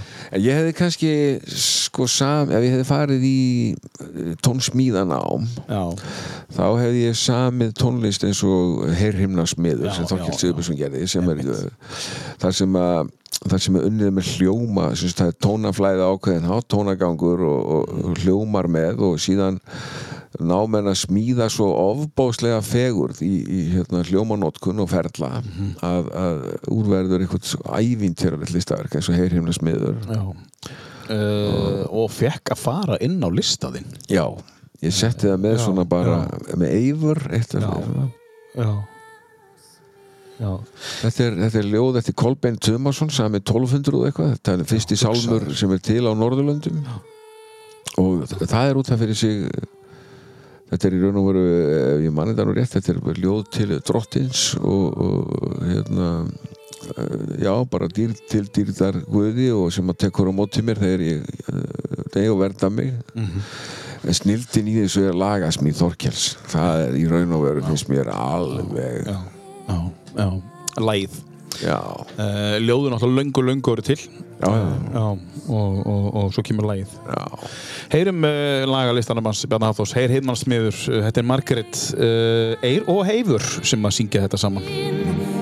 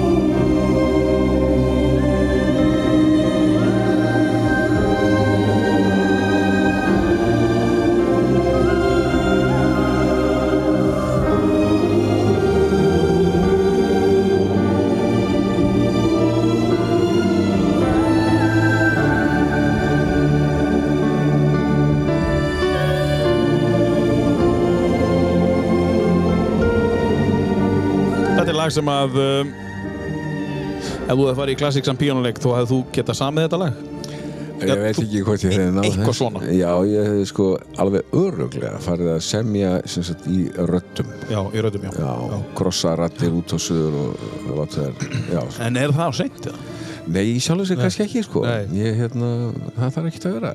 Ég, ég, ég, kannski á maður að fara að hugsa bara því, fyrir því, sko. Já, já Ég hef ekkert gefið því sérstakann tíma. Það er í pælingu, sko. Þú segir það. Uh, Bjarni Áður, þú, þegar þú uh, þegar fólk hlustar á lögin þín uh, þá langar þið mikið að hlusta á textan líka Já, í sjálfu sér. Já. Mér finnst samt hefur alltaf þótt mikilvægt að lag standi undir sér, og maður segir. Já, einmitt lægi sé svona náið því að vera sjálfstæður karakter og textinu þetta vinnur svo með og, og allt það sjálfsögðu en sjálf kompósjónin, lagasmíðin sem hefur eitthvað uppaf og endi og, stendur einhvern veginn er þarf að uh, já, vera þannig. Hvo- hvort, getur, maður getur verið mishrifin af lagi hvort sem maður semur það sjálfur eða einhver annar gerir það. Já. en ef það er vel samið og stendur undir sér þá, þá finnst mér það gott sko. það er bara Við tekst að gera bæði, bara góða melodíu Já, já. og, og góðan texta. Já, það er bara eins og bara eitt af mínum uppáhaldslögum með vorvindar glaðir sko. Já, Þú já. vorvindar glaðir gletnir og ræðir geysast um löndi og þetta er, þarna gengur saman lag og texti. Já. eða sko önnur snild sem nú er frost á fróni frísi æðum st stutta línu stöðla frábæri stöðlar og höfustöðum niður í gegnum allt og þarna eru frábæra lagasmíðar og á, og á snildar textum sko. Já, já. og allt og fáir uh, allavega sem er sett í þessum stól sem að hlusta á texta. Þeir bara, þeir, þeir hlusta á lag Já, já. en allt og fáir hlusta á texta. Já, en þegar maður segir, hlusta nú á textan í þessu lagi þá svona, wow, þetta er geggjað. En hérna uh, eftir mentaskóla uh, á Akureyri, hva, hvað tekur við þá, þá hjá þér? Þú átti góða tíma í mentaskóla Já, og já, svo þá taka líka góður tímar við þegar ég fer, fer í Háskóla Íslands og ég var reyndar sko, ég kastaði nú eiginlega upp á það ég, ég, ég var svolítið að spá í læknisfræði Já. skurlækningar, ég svona, var svolítið spenntu fyrir því en ég fór í viðskiptafræði Já. og tók sagt, fjögur ár þar hagfræði kjarnan senni hlutan Mm. Og það gekk bara mjög vel og ég útskrifaðist þar sagt, voruð 83 Já, já. og það er alltaf merkilegt að við vorum sko það, voru tölvurnar sko ekki komnar eins og við þekkja á í dag en það, er í dag en ég mani vorum að sko skrifa tölvu fortrann tölvumál og það var algjörlega uppfront nýtt sko. Já, ég aldrei heyrti það sko. Neini, ég man bara til DOS. Já, já, og við vorum sko að brent út langa ræmur af einhverjum já, listum úr, úr hérna, já, í reiknistofinni þarna í háskólanum og eru það að notast eitthvað við þetta í dag? Nei, nei, nei. Nei. Svo kemur bara fyrirbæri sem heitir Excel og tölfur alltaf eftir þetta sko. já. og svo uh, æfi mín uh, meira og minna verið í Excel síðan sko. Já, þú ert Excel maður Já, já, Sko, ég í bara- vinnunni? Já, já, ég meina það sko Já. og ég er Excel karakter svolítið ég er Já, svona? Já, ég er með svona röðunar áráttu ég, ef þú myndir spyrja mig til dæmis uh, hvert ferðaðist þú 2016 Mm. Þá myndi ég fyrst segja að ég hef ekki hugmyndu en býtu aðeins. Þá fer ég inn í tölvuna mína inn í foldera um ferðalög. Uh, finn uh, alla flokku þá eru öll flokku þar niður eftir stöðum og svæðum sem ég ferð á. Inn í hverju ferðalagi er allir flugmiðar hótelgistingar, allt saman. Já, þannig ég get svarað þér eftir augnablik Já. öllum þetta ár, hvert ég fór og hvar ég gisti og svo já. En ég hef ekki hugmynd um það á þessu stíi, sko, en ég bara get rifjað upp með þér og við væri svo saman báðið jafn hissa, sko, já, ég hef verið þar. Já, já, já. þú veist, ég, þetta, ræðist allt saman í haustum á mér en, en svona, og, og ég meina ég var í stjórnum margra fyrirtækja þegar ég var hjá KEA sko, og, og Halldór Jóhansson framkvæmstjóri KEA var uh, hann er mjög svona minnugur og tölur mjög glöggur sko, mjög, mjög klár maður og hann, hann ef að hann kannski sagði sko, ég var kannski stjórnaformaður í tilteknum fyrirtæki og ef hann KEA búin að sitja þær í stjórn í nokkur ár og svo, svo kemur Halldór til mín og segir herðu, uh, Bjarni Hafþór vorum við ekki með í ebitu þarna, voru þetta ekki sko 162, voru þetta 164 hann í hitti fyrir, hvernig, hvar var þetta? Ég segi, ég haldur ég hef ekki hugmyndu að býtu aðeins. Já, það kemur þá það. fer ég inn í folderinn og á 10-15 sekundum finn ég fyrirtækin og þetta svo þetta fyrirtæki. Allt flokkað eftir árum og stöðum og opna ákveðið skjál og segja við hann herruðu, þú ert nála þessu 161,7 og svo þá, þá finn ég allt sko, hann notaði mig oft til að finna alls konar svona punkta Svona staðfestingar á hans svona yes. sirka útrúið. Já, hann var miklu, miklu minnur en ég sko, sérstaklega á svona tölur og svona. En ég átti þetta allt fælað í smáatriðum sko og þannig hann gætt bara, hann bara Áttu, áttu þá allt varðandi öll lögin sem þú semur allt inn í einhverjum Já, ég get sagt það núna varandi fugglahuga sem eru 76 Já. og þó, svo segir þú um eh, hvað, og svo kemur einhver sem bara kórstjórnandi eða tónlistamæður og segir, heyrðu, mig langar aðeins að hérna, skoða þessa tónlist. Og segir, heyrðu, skal gefa þér hlekk hérna inn á Dropboxið mitt. Þá ertu með á einum fæl öll lögin í uh, músikskrám með nöfnum sko. Og veifæla líka með lögunum. Þú ert svo með annan, aðra skrá í hliðina þar sem eru allir textarnir. Svo ertu með eina skrá þar sem eru allir textarnir með hljómum. Og svo ertu með eina skrá þar sem eru all lögin nótusett Vá. og, og hérna þannig að þú getur aðfind þetta tónlistamönnum til að spila eftir nót Já. þetta er allt svona flokkað niður þannig að þú getur fengið fugla huga alla með öllu og öllu sem þeim við kom til þess að spila alla þessa tónlist eða hvað sem þú vilt Og gera þetta er allt sko. komið í nótur. Já Það er nú ekki Óskar, algengt. Nei, Óskar Einarsson sko, útskrifaði sko, Þóri Rúlarsson alltaf útsett þetta allt saman og Já. það er gert með nótnarskrifum ákveðin hátt Já. og tónlistamenninni sem hann fór með og við fórum með út til Danmerkur þeir fengu bara aðfenda bækur með, með þessu lögum svo var bara unnið á fullu dögum saman Mhm. og var virkilega gaman að sjá að vinna við erum alltaf, þetta voru bara fremstu tónlistamenn þjóðarinn sko, við erum Gulla Brím og Já, ég meina Sko, um, við, skulum, við skulum taka sér umræðu um fuglar hugans. Þetta er í rauninni fyrir bæri sem er komið inn á Facebook með 76 lögum sem betur fer Inn á inn á Spotify. Spotify já. Uh, þetta hefði þá verið sko átta diskar eða eitthvað. þetta voru fimm diskar í kassa Fimm diskar í kassa. gerðum nokkur undir Eða eintöka þú gerðir það? Já, Já, og já. það bara var selt og fínt sko. Já, fimm diskar í kassa. Já. Um, sko, við ætlum að taka sér umræðu alveg um, um þennan disk og þetta er svona í grunninn það sem að þú ert búin að vera að gefa út þó að sé miklu meira til. Það er eitthvað meira til sko. eitthvað meira til, já, Uh, hvað var að taka þá áður en við áður en við hérna förum inn í, inn í þessa umræðu Ef að taka hugans. bara ef að taka hérna Little Willow eða já, Paul McCartney og svona já. rólegt lítið lag og það er lag sem er uh, sko, sýnir snildina hjá McCartney sko, Mhm. að Ringo Starr átti kærustu í gamla daga já, svo hættu þau saman og ekkert mál með það en hún þekkti strákan í bílunum og, og þau voru, var vinnur ennum tíma Já. svo frétti McCartney það setna bara ég held sér nú 20 ár síðan samt eða eitthvað svo sem hann það ekki já, þetta er tiltölulega nýtt Já. já, að þá fréttir hann það að hún er með krabba hún er mjög veik Já. hún átti tvö börn já, og hann semur þetta lag Little Willow um það að litli runnin minn þú munt bókna í vindinum sem eru börnin sko. Mhm.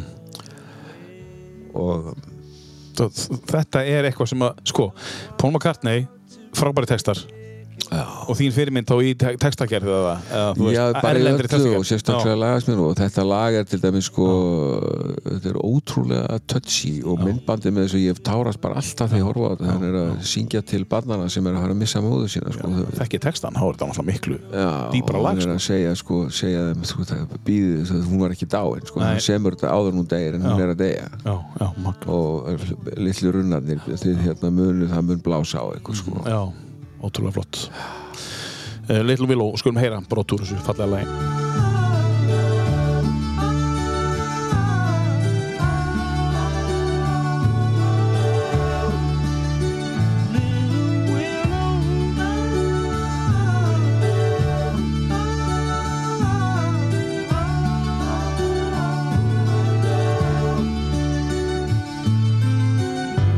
Nothing's gonna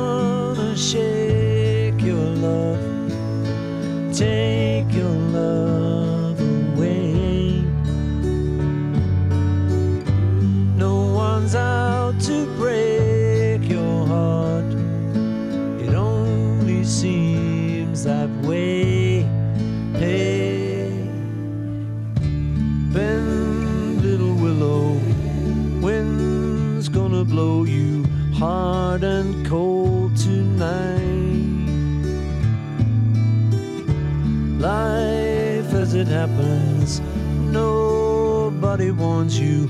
Willow, hold on tight.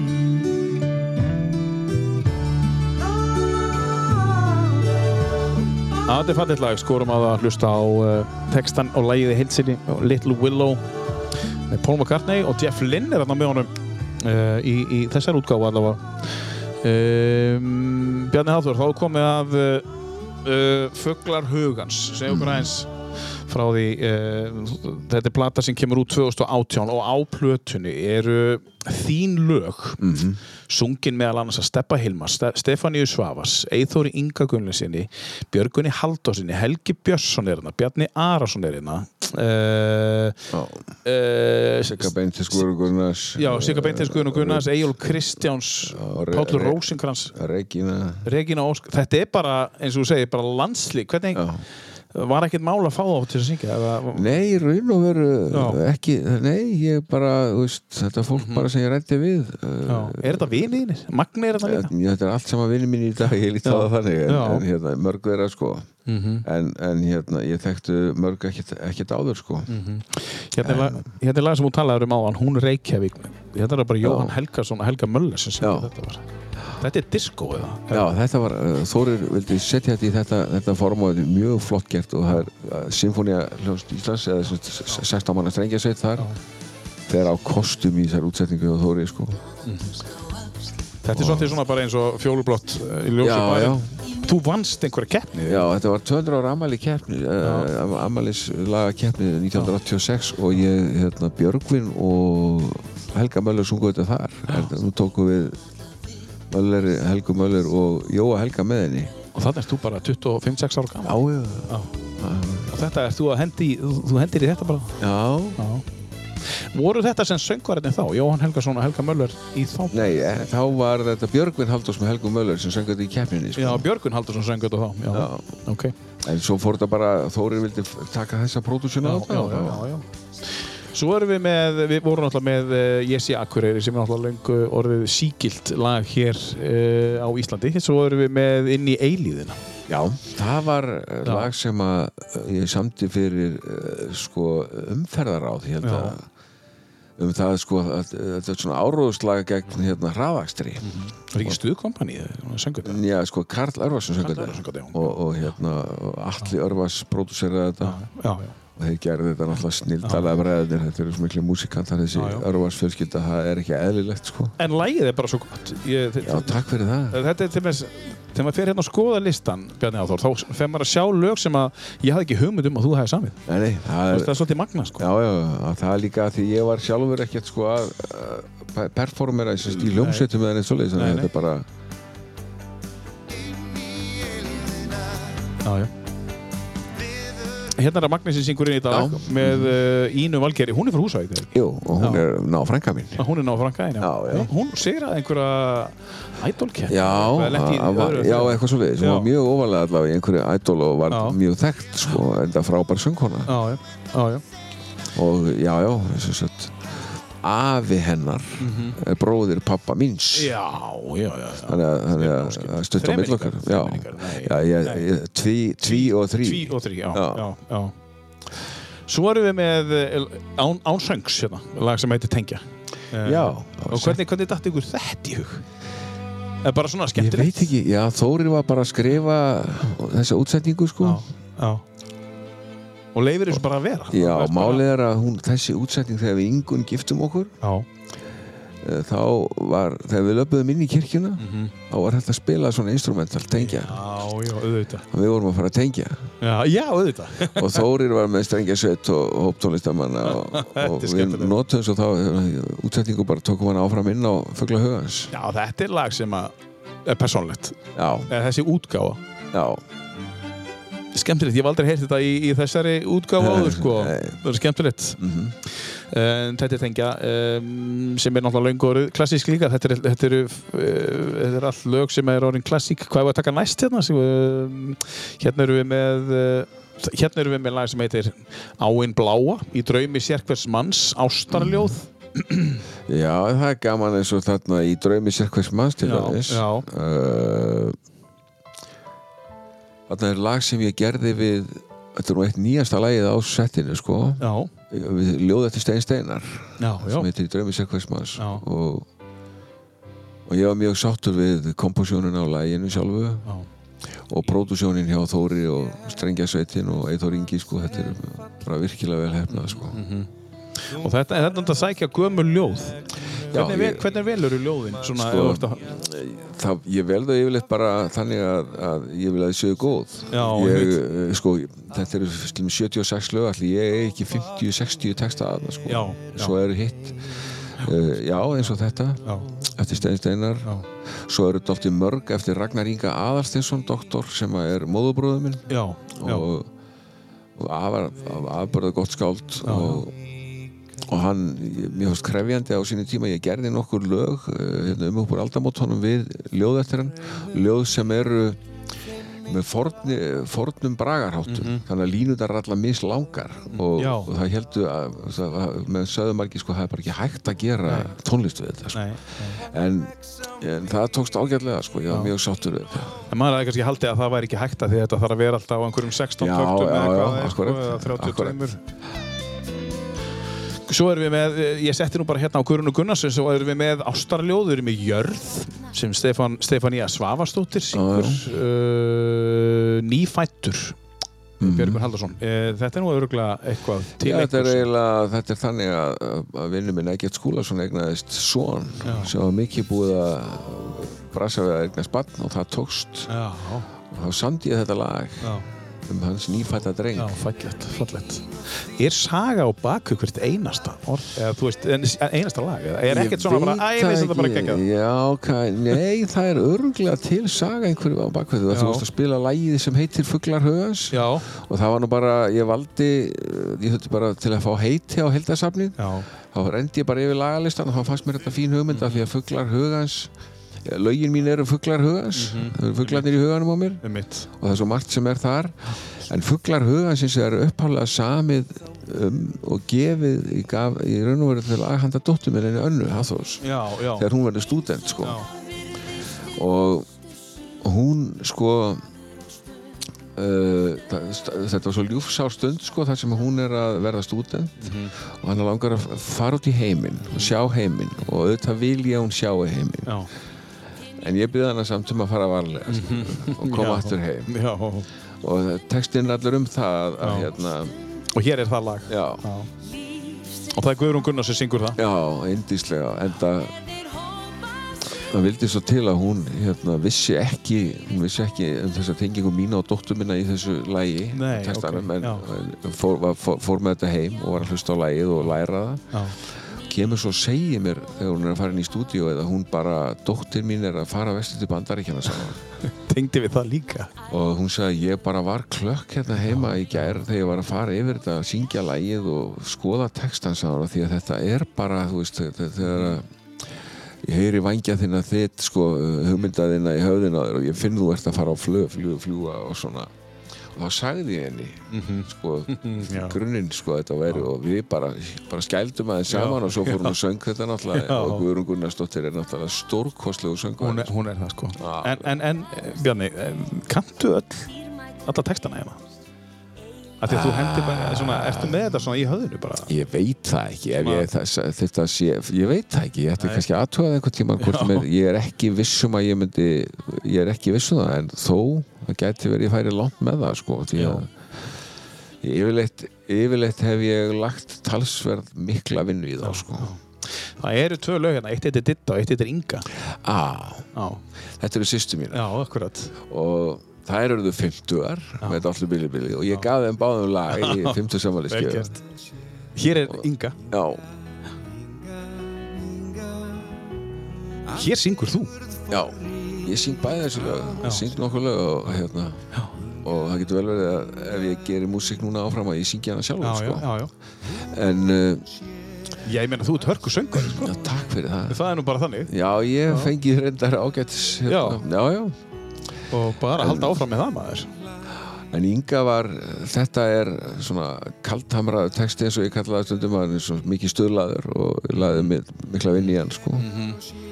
Ánæði með lagið. Já, engin spurning Og svo kom Dittu-lagið, það kom alltaf áður, hún var 50 áður.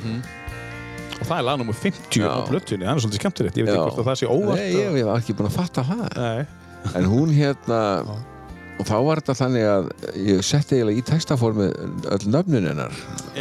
Mannin hennar og börnin og allt. Stuðlaðbundið það sko. já. Og Og þú syngur þetta í ammælisveislunni Þú veist Já, ég held ég hafi gert það í, ég held það í báðum tilvíkum að það, uh, fyrstu frumflutningur á þessu var, var þannig sko, bara á kassagítar eða eitthvað sluðis Og líklega besta gjöfin sem við fengum báða sýstum daginn Já, ég allavega, það Ég er mjög það. sáttar sko.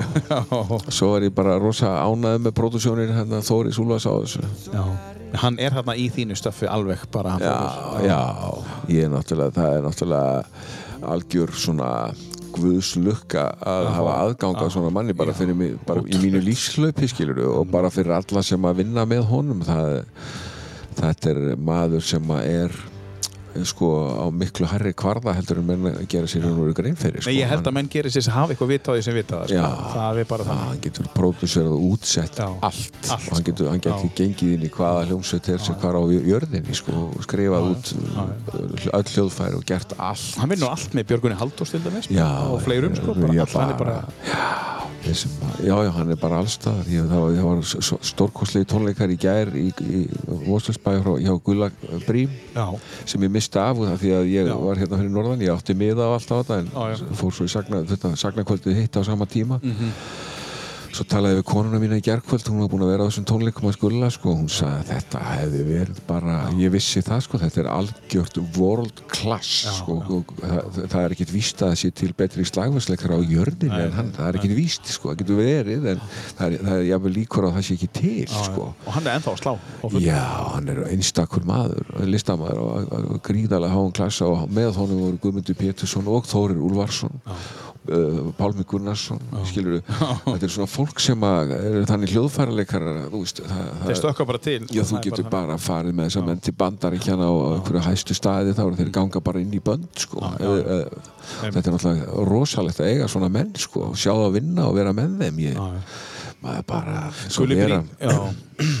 Gulli Brín alltaf var í Mesoforti eins og fólk veit sko. Og, og, og þeir urðu nú alveg huge Já, Elendis já, og hérna he- heima líka. Og það er líka að sjá sko listamann ég hef nú talað um Þóri Úlfarssoft sem að pródúseraði alla, uh, alla músíkina á Fuglum Hugans Já, 76 mismunandi lög, gerólíkum toga Gulli Brím var slagverki, trommuleik og slagverki í þetta allt saman. Já, hugsa þess já, já, já. Sjá að nálgast bara annars vegar einhvert stórt lag einhverja balluðu sem er hljóma eh, gangi út á söður versus svo einhvern einfaldan lítinn bara einhverja harmoníkulag eða eitthvað barnalag eða eitthvað, er flóran allt saman tekið með sömu fagmennskunni sko. hlýtur að vera frábært að vera með svona fólk á lögunum sín dásamlegt sko.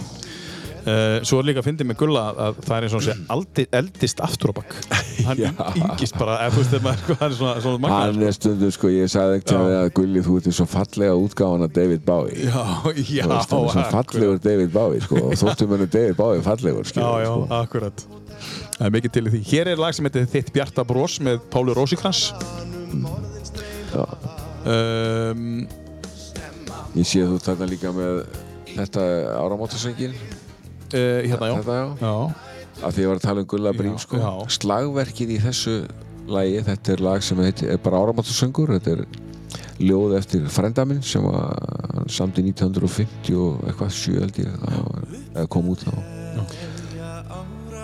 Og þarna ef menn, einhver nennir einhvern tímann að hlusta á áramótasöng finnur hann bara setur á sig headset og hækkar verulega í fer bara í gegnum þetta lag og hlustar á bæði pródúsjónunni hjá Þóri og slagverksvinnuna hjá Gulla Brím. Það er aðeins færin að það er, Aðeins farin sva, að- þetta er bara svakalegt sko.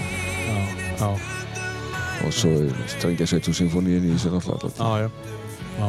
síðan áttu jólalög. Já, það er nú, það gaman að- að að- aðeins að þú það styttist í jólinu og svona já, já Uh, hérna er Sigga Beintis að syngja lag sem heitir Jólabarn í hjartanu er þetta nýtt eða gamalt? þetta er frekar gamalt sko. þetta er þetta er bara, bæði þetta lag og lag sem heitir Þeir eru jólasveinar eru lög sem að þetta eru barnajólalög Mhm. og þeir eru jólasveinar er eitthvað sem súlusveinar hérna skúli lóra þeir hafa notað mikið hérna og, notað hérna áram ára akkurir og ég veit ekki hvað þetta er sungið enn sko þeir eru jólasveinar glettin gæða skilur Já. svo framvegis Það er þetta hér Lunum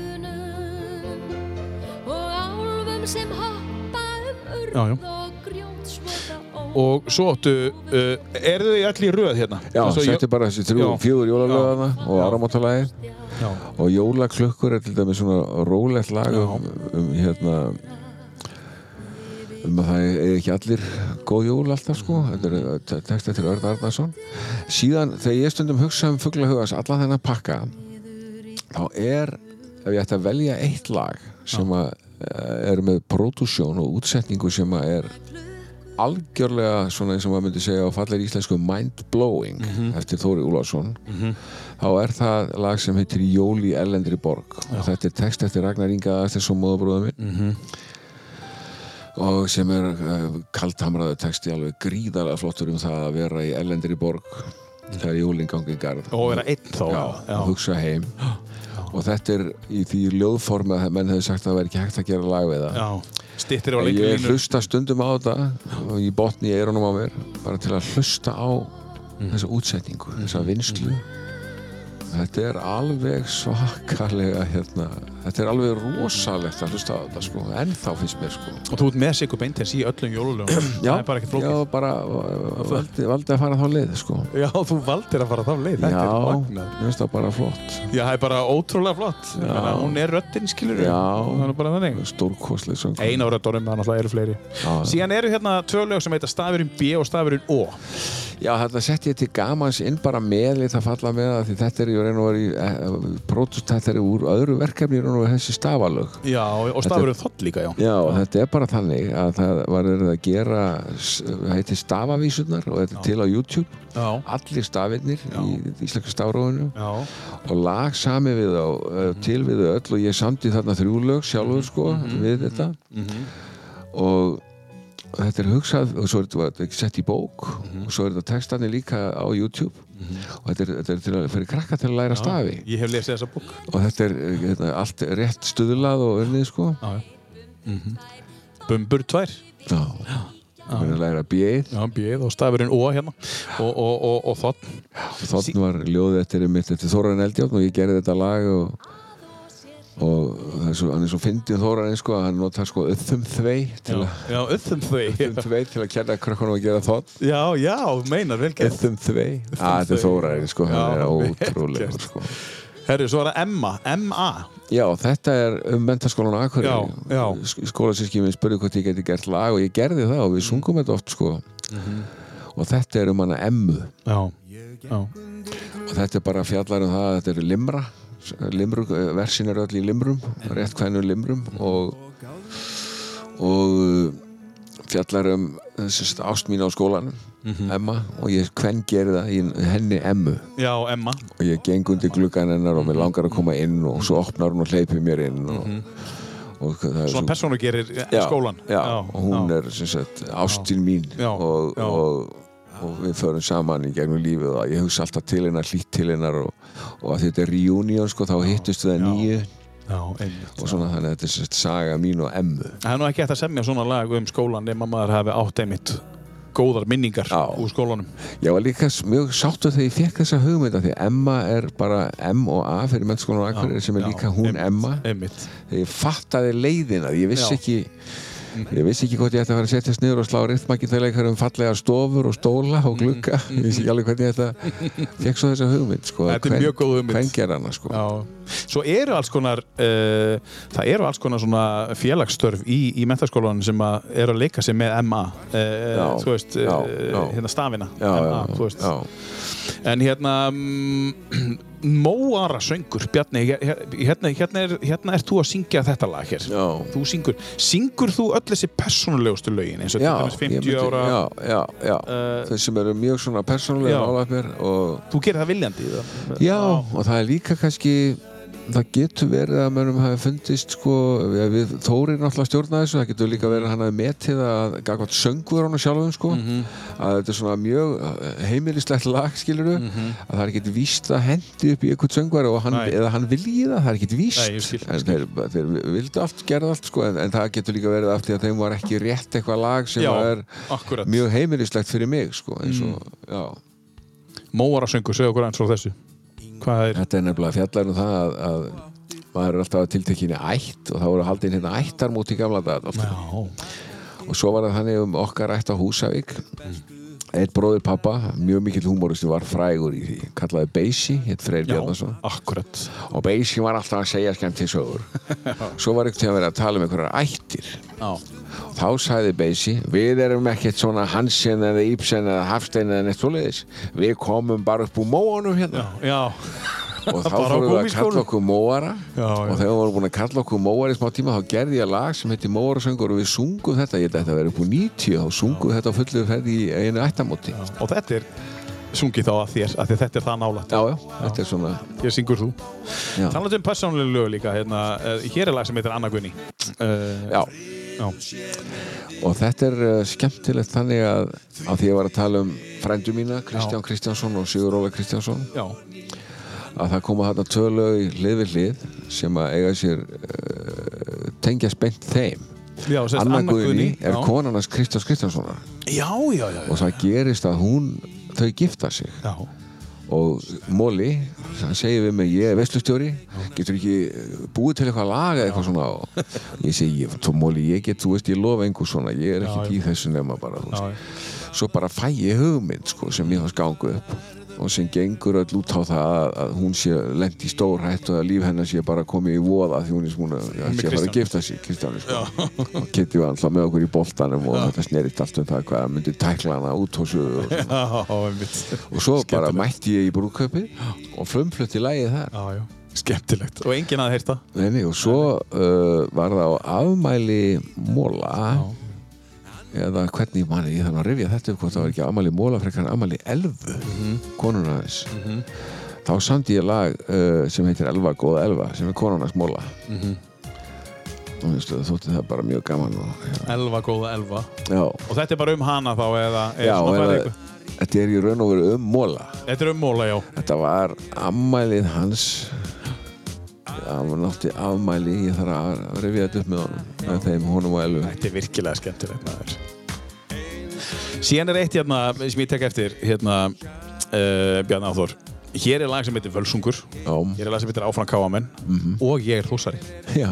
Þú hefur ekki getað gert eitthvað, þú getur ekki gert sko, eitthvað milli málið er að ég var náttúrulega þórsari hérna í boltanum þegar ég var á Akureyri. Já, já, já. Ég fættur upp alveg á Húsavík og þar er völsungur.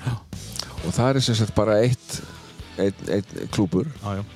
og þarna syngur þetta þessi produksjón uh, frænka mín hún hérna, í, hérna Ína Valgerður Já, Ína Valgórir, já. og uh, þegar ég kemur til Akureyrar og svo fer ég í Þór sko, þá sagði ég nú við félagið mína sko, ég, ég get ekki verið í einum klúbi á forsendu þess að hata annan klúb ég ólst ekki upp við það, það var bara eitt klúbur Já, akkurat. þannig að þegar ég er í Þór sko, þá, þe- þegar að Káa verður Íslandsmeistari 89 í fótbollanum já. þá var bara þrjára eða fjórar umferðir eftir þá kemur Steppi Gull til mín já, og segið mér Hafi þá, þá, þá, þá var ég Þórsari sko. Já, já. Herðu, þú ert svo helvítið flinkur að semja eitthvað svona. Sko, veistu það að við erum við verðum hugsanlega Íslandsmeistari í alvörun Þetta gæti gerst, getur ekki búið til eitthvað á kassagítarinn sem við getum sungið í stúkunni. Bara til að peppa við verum að keira þessa stemningu upp og, og ég segi við Steppa, ég lofa einhver svona Steppa, ég skal hugsa þetta. Þú segir alltaf það sama. Já. Já. og svo bara kveðjumst við. Og ég fæ síðan þessa þessa, þessa tilfinningu heima sem káalægi, áfram káaminn Já. Gengur bara strax upp. Já, ekkert og, smá. og Meina, ég finn strax að þetta bara virkar. Áttur ekki þetta lag, samtur Nei, já, bara samtíða, Já. samtíða bara á deginum sko. Magnað. nema svo bara og textan fer ég strax í og þetta er bara heitur í þessu af því að þetta var að gera strax. Svo fer ég náttúrulega í Kalla Örvas og Alla Örvas, þá bræður. og þeir, og ég segi bara strákar komið þið verið að pródúsera þetta og, og gera þetta. Og þeir koma Og ekkert vesinn. það lægi tekið og ég er í samver hérna á erinni og tekið upp og svo kalla ég strákan og liðinu slatta þeim til þess að syngja í hópi, hópi sko, og, þá, og þá í steppa gull og Steppi segi, hvað meinar þið? Konti segi, ég var búinn að uh, skoða þetta með þetta lag í alvöru, hvað kíktur eitthvað á þetta? Já, kontu Þetta var svona þremdugum sem það var búið að taka allt upp sko. Svo kemur hann inn í samver og ég sé, hlustaði á þetta og svo er allt sett upp og allir sleðar og allt sko. og ég gleymi því ekki þegar hann hlustaði á þetta fekk þetta svona. Og hann starir svona á mig og ég, sagt, hann bara færi til fullu bröstu svo segir hann bara ef lægið er búið hvað hefur þau gert? Hann var svo gjörsamlega gáttar og, og ánaður en vinið mín í Þórs þeir sögðu bara hvað er að þér Bjarni hvað er að þér? af hverju ertu svona? já, akkur ertu svona en svo samt ég löngu setna sko, ég hugsaði að ég skulda alltaf Þór sko í staðin og þá Já, samt já. ég deyja fyrir já, það er nú orðið þeirra svona slagorð bara Já, þessara. og ég man að þetta lag var einhvern bara. tíma kosi í stóri kostningu fyrir tveimur árum með besta stöðnismannalagið á Íslandi og, Akkurat, og akkurat var stoltur af því og, já, það var einmitt akkurat. Já, Og, og bara fínt.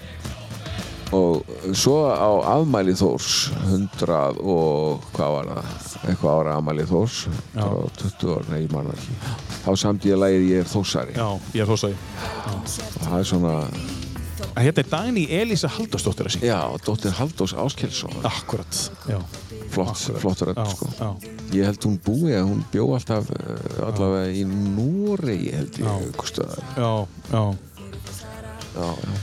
Þetta er, eh, sko, þetta er skemmtilegt og, og þú hendir í lag og það, það er eins og ég segi, það er tilbúið þreimdagar setna við sem er káalag Það er bara, stundum, þetta, stundum gerist þetta Stundum svona, gengur þetta upp, já, já, það er uh, bara veist, eins, og, eins og ég var að segja þér þetta er lag sem ég var að gljúka við sem heit, ég kalla núna Harmur þinn. Já. hvort það verður, ég veit ekki hvernig, hvort það enda með því nafni en já, það er þú- dæmi um svona lag sem ég samdi næstu því óvart um daginn sko. Það fyrir ekkert löngu síðan. Jú, tveir mánuðir, eitt, tveir mánuðir síðan eitthvað slags þá fæði stundum svona já, þá ertu að tala um harm annara eða skilur Já, þú veist, já. sem hefa það verri en þú já, Eh, Tvö lögið viðbót hérna, eh, Baróttusöngur eh, Helga Magra og, og Garbo Já, þetta er nú bara, ég var í Helga Magra hérna sem er fótbollaklúbur sem var hérna í bóðanum og er í bóðanum. Enn eitt fótboltaklúbur Já, já, eitt strákurinn hafði eh, félaginn þar, hérna Haraldur Sigurjónsson, eitt sem býr nú reynda fyrir sunna núna en hann gerði frábæran texta sko um þetta sem var alltaf á síðunni og hjá okkur. Svo samt ég bara eitt daginn lag við þetta og tók það svo bara upp og hérna Garbo er síðan klúpur sem við erum í hérna nokkri gamli þósarar Já. 12-14 þósarar Já, já.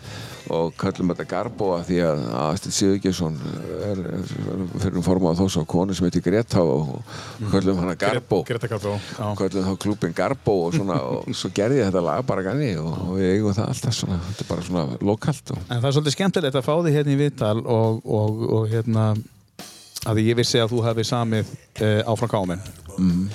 Ég held að þú verið kámar já, já, já, það er margir margir það sko sem halda að þú já, já, Hvað finnst þér um það?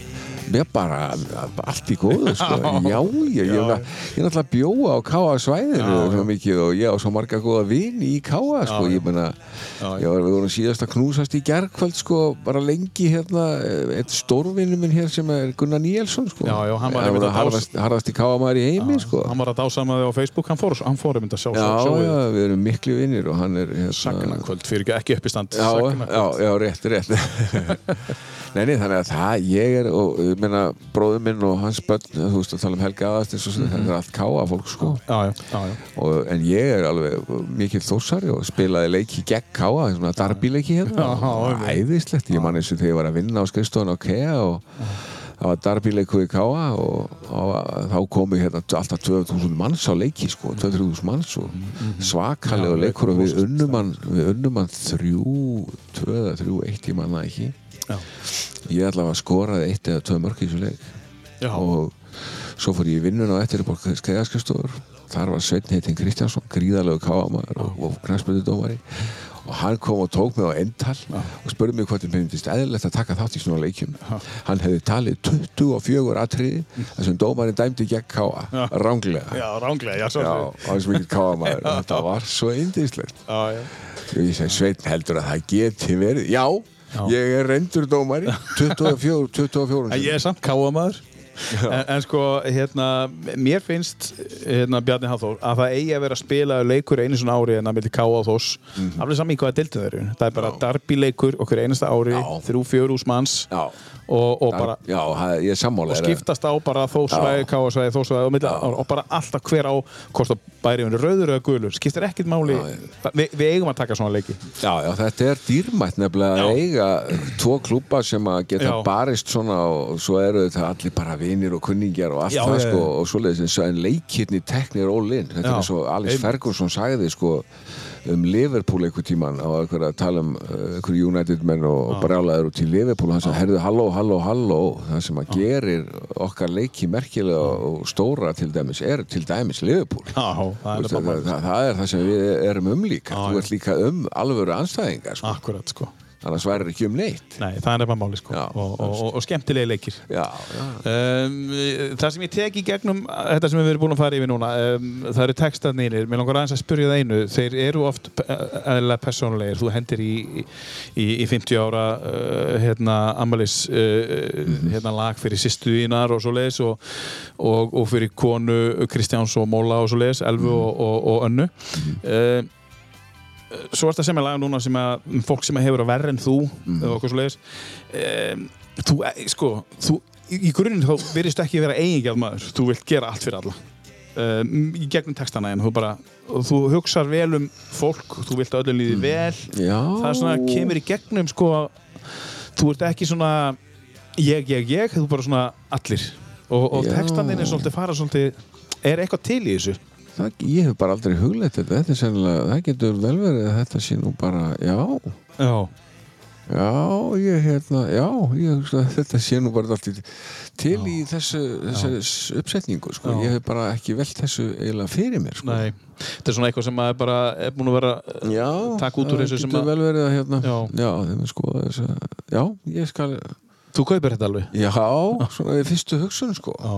Já. sem er gott sko. Já, að- mjög, að að þú ert ofta þetta að er nú semja. fallega sagt af þér, sko. Já, en þetta er bara eitthvað svona þetta er, ekkert, þetta er bara eitthvað sem ég tek út úr því bara, þú veist að, að, að, að þú, þú semur um alla hópa skilur, og, já, og allskins þú veist, þú vilt að öllum, allir hafa það gott virðist vera. já, já, Já, já, ég, kannski rétt. Já, maður reynir að vera eitthvað jákvæður já, reyna að vera jákvæði sko Já. Eh, Hvað við að taka af listanum þínum núna næst? sko mér dettur bara í hug sko, við getum tekið Sloop John B Mhm. með Beach Boys og það er vegna þess að Beach Boys er hljómsveit sem ég er alltaf hrifin af Já. og, og Brian Wilson sem það er almaður Já, þetta lagar þetta ekkert eftir þá en Meni? Brian Wilson útsetti þetta já, og þetta er eitt af þessum dæmum sko, sem er svona reynd og fallett en, vel pródúsera Mhm.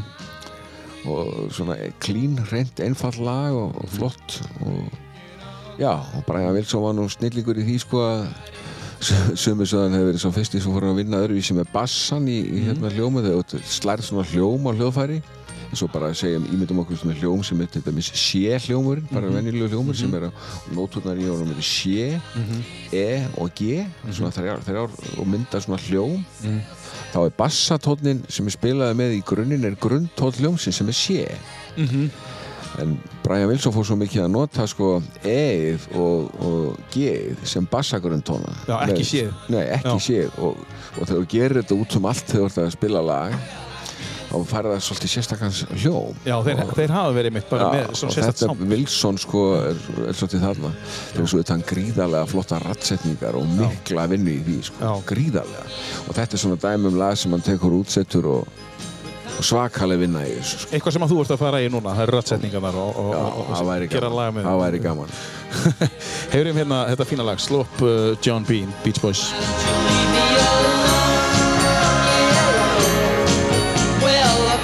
so proud.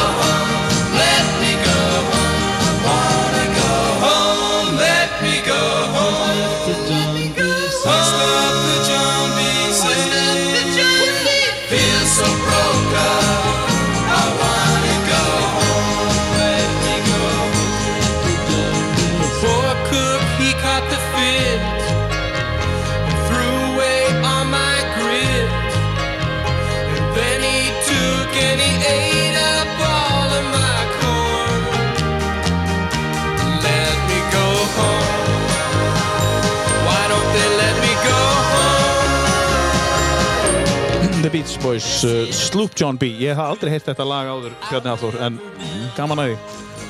Gaman að því heyra eitthvað, eitthvað nýtt. Pet Sounds heitir plata Já, og, og skemmtilegt nafn á, plötu. Já og talið, talið ma- ma- margra mati með betri plötu síðustu aldar. Já Er þetta platan sem fór hún á Billboard top 500? Já, já. hún er bara ég, Já. stundum í efstasætti þar sko Já, akkurat Ég er kannski ekki það hrifin af henni en, en, en, en samt sko, mér finnst þetta bara margt alveg frábært af það sko. Já Herru, við, mér langar aðeins að taka tímalínuna núna Við vorum í, í við vorum komin í, þú varst að útskrifast sem vistafræðingur Mhm. Hvað tekur við eftir það? Svo ég kem hérna norður og, og síðan sko já, já, ég fór að starfa hérna, var hérna fjóruðsamandi Norrlendinga og fyrirtæki sem hétt Hægi og svona. Já. en svo gerist það 1986 að, að ég fer að vinna í sjónvarpi. Það verðum að setja upp sjónvarstöð hérna og þá var eða, semst, myndvinnslu fyrirtæki og sjónvarstöð og stöð 2 kom í loftið í að hausti hérna 96 oktober og ég var sjónvarstjóri hér í sjónvarp Akkurir eða Eifiska sjónvarsfélaginu og, og flutti að opnunar á var sjónvarstjóra 11. desember 1986 Já, og svo vorum við með myndvinnslu fyrirtæki líka sem heit Samir og þetta bara var svona, eiginlega svona samkrull. Þannig að í tíu ár starfaði ég í fjölmiðlum. Ég ætlaði ekki að gera það sér en, en lendi sérst inn á stöð 2 og því að það var í fréttamennsku og þáttagerð og, og líka rekstir á þessum einingum framanna og. Þannig að já, það fór svo tími í það og en 96 vildi ég hætti því og svona og, og, og þá fór ég að vinna fyrir ég kallaði að vinna fyrir sægrefana þá fór ég að vinna fyrir útvegsmannafélag Norðurlands Já, og LIU að sjá um svona frettabrið útgáð og eitthvað í tengslu við það og var í því í einhver fjögur ár ég ætlaði nú bara að vera í eitt eða eitthvað svona bara svona millidropp en það tegðist úr því. Hvað ætlar að vera lengi í sjónvarpinu þú tókst að þér? ég hafði hugsaði nú ekki langt í Nei, því og nei. ég ætlaði sjálfur aldrei fram fyrir sko myndavélina ég, ég var að reka fjármagna hérna, uppsetning á sjónvarsendum hérna í eh, firðinum við tröfluðum sjálfur og með tröflara og rökkuðum sjálfur og fyrsta árið fengum við bara spólur að sunnan og settum þetta í tæki hér og sendum út og Þetta hefur verið rosa risastórt já, já, þetta var svaka stökk Svaka hérna, stökk, sko. Það voru bara keypt- brentmiðlar hérna. Já, já, og svo keftum hérna, sjónvarsbíl hérna, sko, þá var það bara sjónvarsbíl nummer tvö í landinu, sko. Já, og, og live útsettingar Já, já, já, alls konar hluti og hann kerður oft söður til þess að vinna í útsetningu þar og þannig að þetta var uh, þetta, mjög merkilegu tími og ég, meina, ég, ég, ég er að vona sko það er uh, ég veit að minjasafnið á Akkurir er að vinni að, að setja í rafrænt form sko efni frá þessum tíma. Týna það saman og leita það uppi þannig að uh, þetta er stórmerkilegu tími sko, frá 86 þarna þegar við byrjum og, og í nokkur ár þar sem við erum að já, taka bara mikið af viðtölum og gera efni sem að hérna Tókst þú þátt í að byggja upp samver? Já, já, já, já. Tókst þú þátt í að koma með nafn á fyrirtækið? Nei, þegar ég kem inn í samverð þá Þóraðin Ágússon sem var þar fyrir sko, hann talar við mig um að koma í þetta.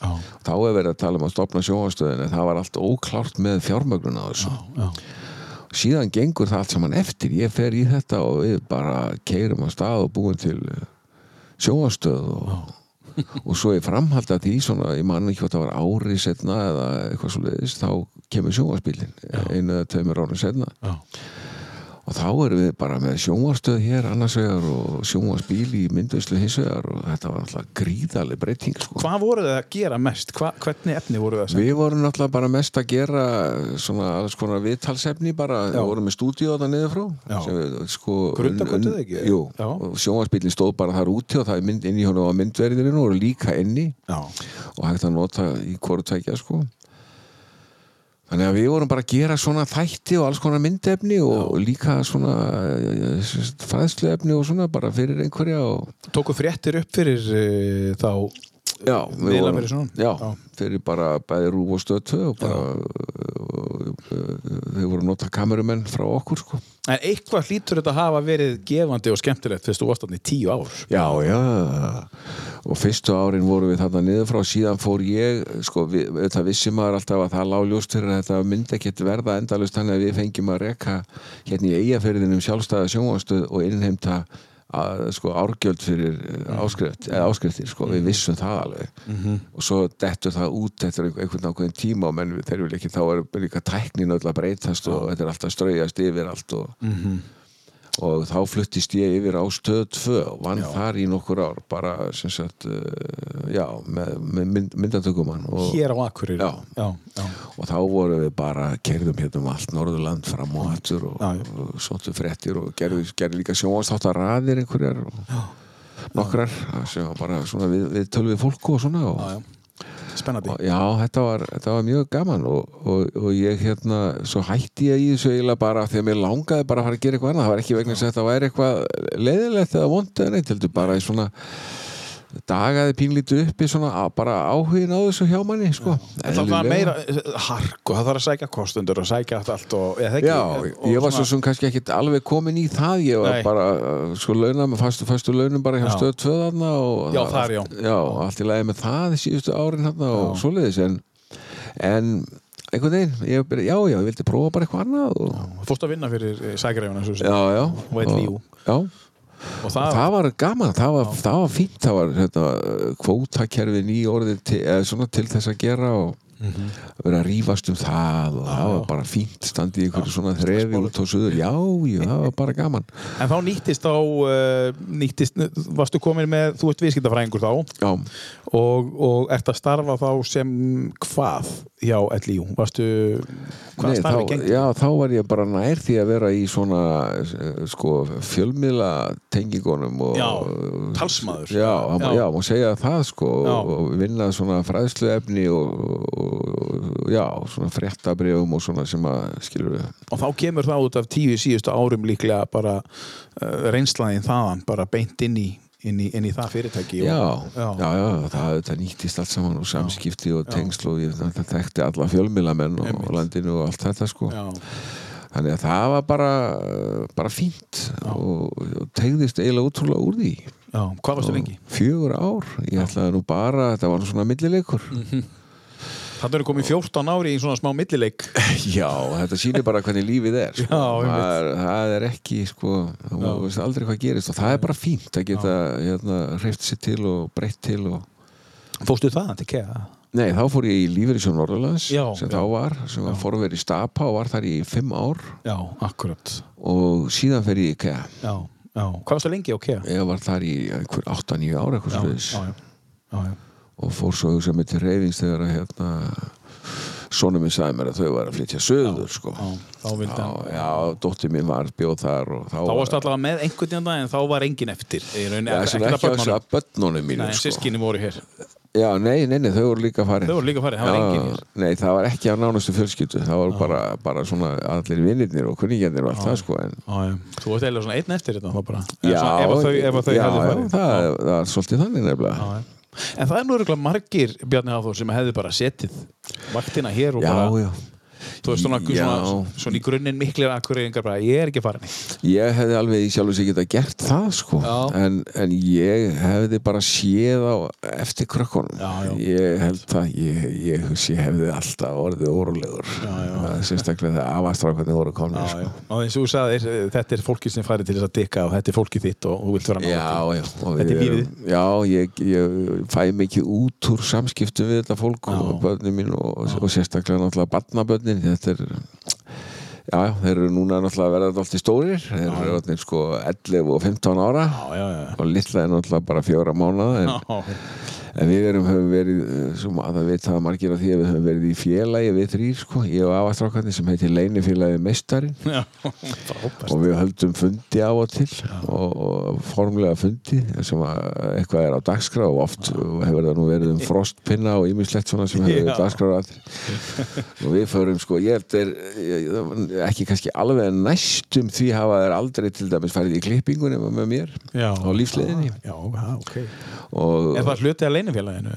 nei, raun og ekki, pappi er að færa að vera með í því Já. en ekki í leinifélaginu Nei, ekki leinifélaginu og þá förum við eftir uh, klippingu og fáum okkur ís eða eitthvað Hva, Hvað það maður að vera orðan gamalt? Hvernig fer litla stelpan að fá Þetta er góð spurning nefnilega vegna þess að þegar hún fæðist 12. júni aðfara nótt 12. júni þá voru þeir hjá Ava og ömmu í Sleepover eins og maður segir, þeir voru hjá okkur hérna og svo fæ, fæ ég tilkynningu morgunin hún er fætt og, og þá heldum við fund í leinifélaginu meistarinn til þess að ræða það hvenar hún uh, ætti að fá inn og f- bara fyrsti liður á dagskrá.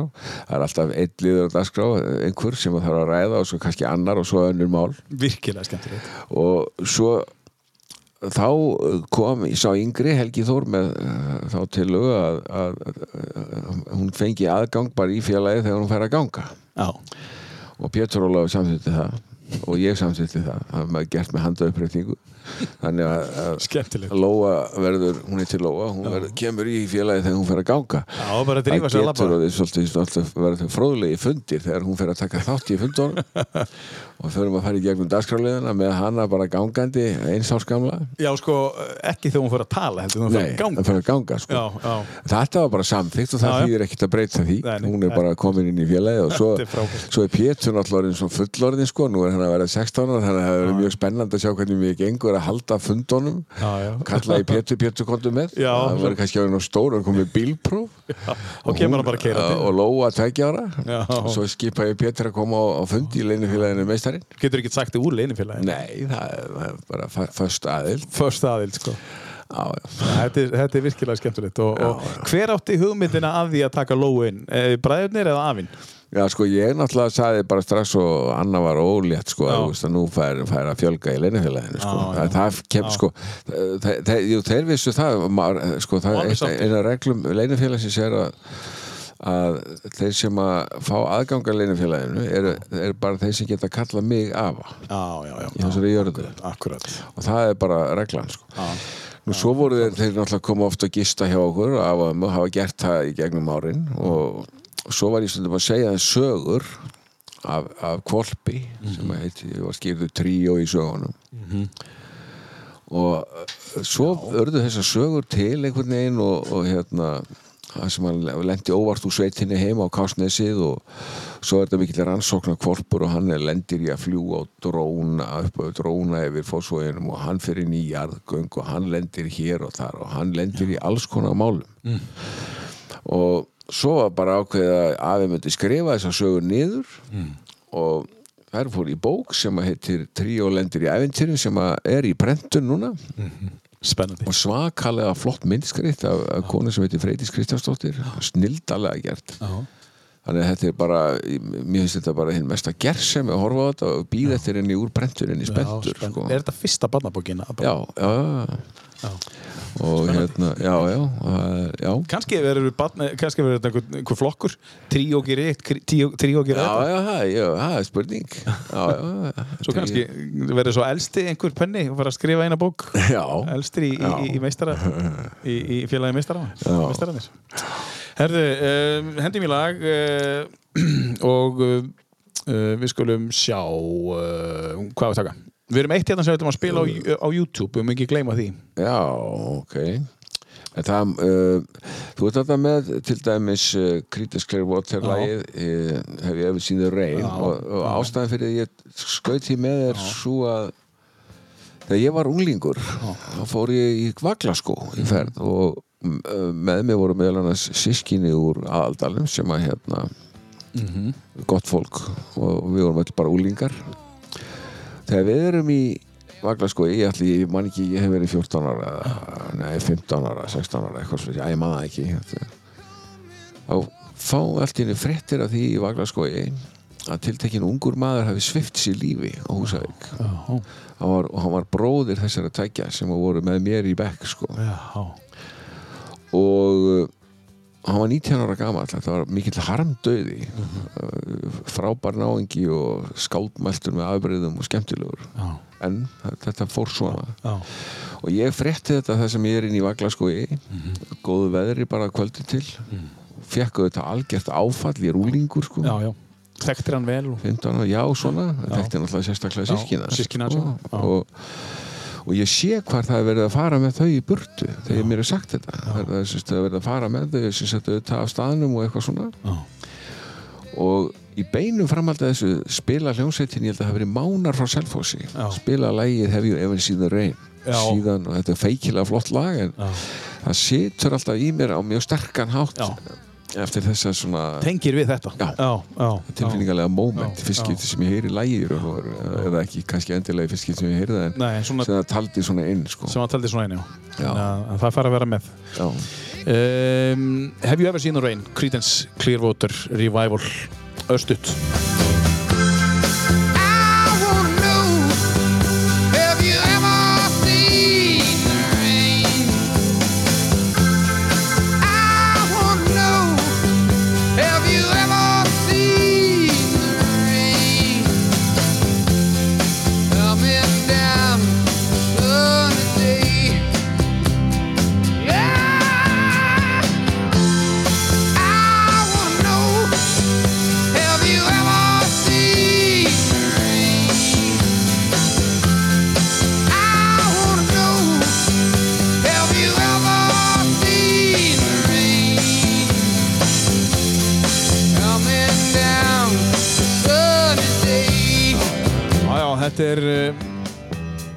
Creedence uh, CC, CCR eins og þau kalla, kalla þá um, Já, svolítið mögnu saga í kringum þetta lag, Bjarni Aþór Já.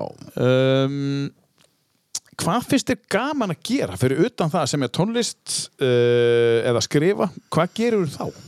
Uh, ég náttúrulega stunda líkansrækt Já. ég hef gaman að því og ég hef gaman að vera í fótbolta. Ég vil vera í fótbolta. En ég náttúrulega hef lent í því að vera meittur á nýi og svo tókna ég í læri og svo tókna ég hér og tókna þar.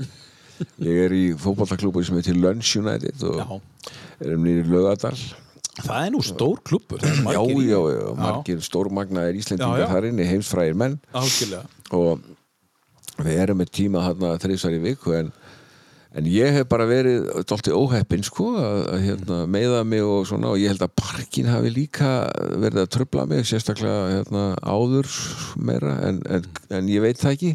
Maður veit aldrei hvar hann er akkurat að tikka inn og hvar ekki því að ég fæ tognun hér og tognun þar þá getur þetta verið bara því ég er að reyna á mig og gleymi mér og gera það svo mikið en það getur líka verið að dopamin skorturinn sem að parkin veldur sé að trubla einhverja vöðva og eitthvað svona, maður bara er ekki alveg klár. En svo er ég sko stílíkansrækt með þrjá tími viku að öðru leiti og, og svona þannig að ég, ég, ég er bara svolítið í þessu sko. Já, en það er sko, nú situr þú hérna og er búin að sitja í tvo og hálfan tíma fyrir fram er ekki að sjá að þú sért með Parkinson þakka þér bara æðislega fyrir það. er Ég bara alltaf að sjá það, alltaf, ég er þakklátt fyrir þegar ég fæ þessar setningar vegna sem Já. mér hefur gengið ágætlega 7-9-13 að, að, að svona hæja á framvindunni sem að það er hægt að hæja á framvindu sjúkdómsins með því að stunda líkansrækt Já. og líka reyna á hausinn og svona uh, keira á þetta dót og, og það er það sem ég hef verið að reyna að gera og passa mig að gera og, og uh, ég fæði stundum þessa meldinga mitt sko, það, sér ekki á því þú ert bara frábær og eitthvað svona og það er náttúrulega iljar manni rosalega mikið og gefur manni von sko, um að maður sé að halda þessu einhvern veginn á einhverju stað þar sem að þetta móli mann ekki niður sko, nema þá á mjög löngum tíma. Já, einmitt En þú ert í kreatífu umhverfi og kreatífu umhverfi og þú, og þú, og þú þeir finnst gaman að vera það, þeir finnst gaman að fram, framkvæma. Þú ert dúer eins og þú sagði ráðan mm. þannig að hausinn er alltaf starfandi. Já, já, og, hjálpar það ekki frekar en bara jú, jú, bara akkurat jú, í vinnunni, jú, eða, það gerir veist. það, það gerir það sko. Og, og ég hef sko vinnan mín er auðvitað sko í tengslu við fjárfestingar og slíkt sko. Það er, það er mín eiginlega vinna ef að það að kalla það það en við hún, hún er unnin alltaf heiman Já. og, og ég er bara í samskiptu við aðela í, í bönkum og, og eignastýringum og, og uh, það gerist bara í gegnum tölvuna meira og minna og svo á til fundi og eitthvað svona sko. Já, já, já. Og, en þessu utan er ég að bara sinna líkansræktinni og svona listsköpun eins og ég get sko uh, ég minna stundast ánguðin en ég gerði. Það, það er svona uh, ég veit ekki alveg af hverju. Mér, ég, það getur verið að þó ég eigi alveg fyrir veiðilefum Mhm. að þá finnist mér þau líka astnalega dýr. Já, þetta astnalegt Já, já. af því að, af því að ég, mér finnst gaman að veiða en á ég að borga mörg hundruð þúsund fyrir að veiða þrjá lagsa einhvers staðar? Það- þó þessi gaman að veiða þá skilur þetta er svona ég finn það, mér finnst þetta svona uh, já, Já, þú orðar það bara rétt, þetta er asnalegt. Já, mér finnst það pínu svona, svona fæ svona svona skrýtna tilfinningu. Já, svona, en allt í lægi en hérna, þannig að ég hef svona aðeins dreigið einhvern veginn úr því. það getur líka verið ég, ég er uh, vegna parkans þá, þá fæ ég svona á aðeins óryggistilfinningu ef ég er að vaða út í eitthvað fljót með grjóti og svona. Já, ég skilji en, um, en það er sama ég er gam, mjög gaman að stang, stangveið og veiði skap. Ég er náttúrulega hef stunda veiði frá því að mann eftir mér og það er svolítið, svolítið í mínu blóði sko. Og svo er konan að draga mig aðeins í golf núna. Við erum Já. að prófa það og ég hef gert prófað aðeins áður en, en, en hef lítið orðið úr því sko. Þannig að, þannig að ég ætla svona aðeins að að prófa það. Hver er konan? Kona mín heitir Ingun Wernersdóttir. Já. Og uh, skurð hérna, Hjúka. hjúka. sem ég segi hjúka. Og þá segir hún, þá átt að segja hjúkrunarfræðingur. Já. Hjúkan mín, ég skal segja það næst. Og hérna hún er mjög hress og skemmtileg og, jákvæð og já, dugleg og Hvena giftið ykkur? 2016 held ég minnir mig, já, alls ekki já, ég minnir það er 2016 ég þannig að Alltaf kem ég mönnum í, í vandræði þegar ég spyr að þessu. Já, ég held það. Það var 2016. reyndar, reyndar hef ég ekkert áhyggjur að munna þetta ekki nákvæmlega. Jú, það var 2016 Já. að, að hérna, vegna þess að hún Já. glemdi brúkósteginum árið setna en ég mundan, let hana ekki vita það. Nei talaði svo eitthvað við hana, við vorum einhver staðar í manni hvað stödd og kveikt á símanum svo, þetta var nefnilega ekkit vel gert.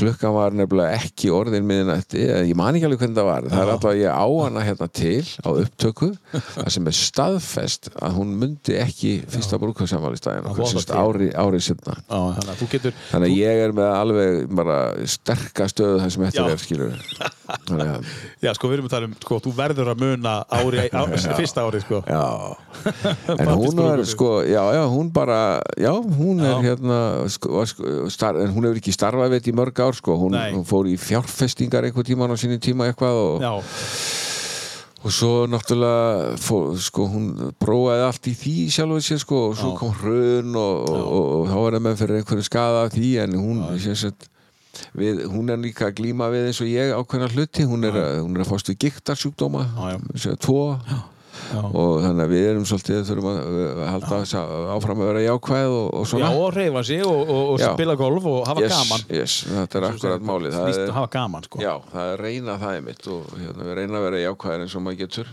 En að elda, hvað hva gerir þið eldi? Hvað er svona uppáhaldsmaturinn? Áttu þér uppáhaldsmat? Ah, Nei, málið er það að ég er hérna algera alæta og, og hérna ég borða allt, mér finnst allt gott og mann ekki eftir að lendi í neinu sem mér finnst ekki gott.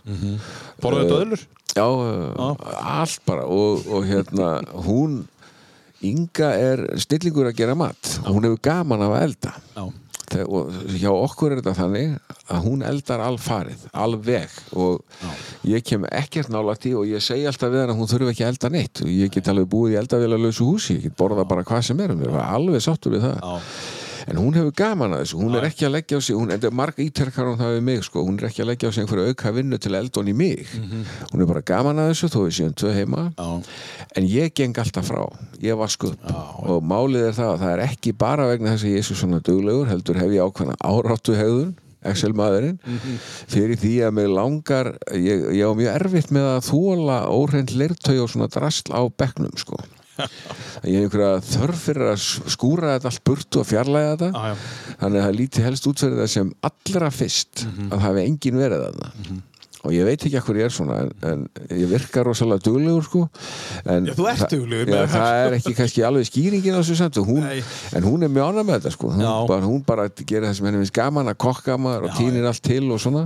Svo ge- bara kem ég og reynsa, Mætir reynsa dóttir stálsveipurinn og, Já. og, og, og hún er stundu sko, krakkarnir koma til okkar í hverri viku og Já. borða með okkur eitthvað. Og bara, þá er eitthvað gert og þau, þá er- erum við 10-11 saman að borða. Já, já, hún græjar það svo náttúrulega eru þau krakkarnir að taka, ganga frá líka og eftir og svona en, en hún hefur stundum sko skipað mér að koma og setjast sko þegar ég vil fara að fara að þó upp pottana sko áður en ég borða. Það Já, bara það því að mér finnst óþægilegt að horfa það meðan ég borða það sko og, og ófrá gengna sko þú ert gangað frá bara, þú veist uh, og, mér finnst best sko ef ég get sest við borðið já, og lít svona aðeins til hliðar yfir eldhúsið og það er eins og það hefði enginn komið þar í tvo tíma sko. Já, og samt er bara borðið hlaðið að matvöld já, spekin, bara spekin En það tekur á langan tíma því þá er allir eiginlega búnir að borða. Já, og hann skammar hún ynga mér fyrir það sko.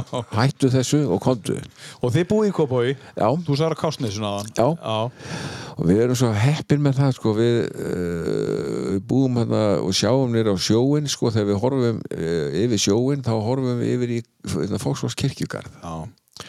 Þannig að þegar þú ferð úr Reykjavík í Kópavog og hérna og sérð Kópavogskirkju kemur keirandi og þá er svona enn eitt bensínstöðan í botninum og horfir til hægri út á vogin já, þá er ég á vinstri bakkanum Já. svona miðja leið. Miðjanlega já. svona miðja leið út af nýja blokkakvarjunu Já, já, já, já.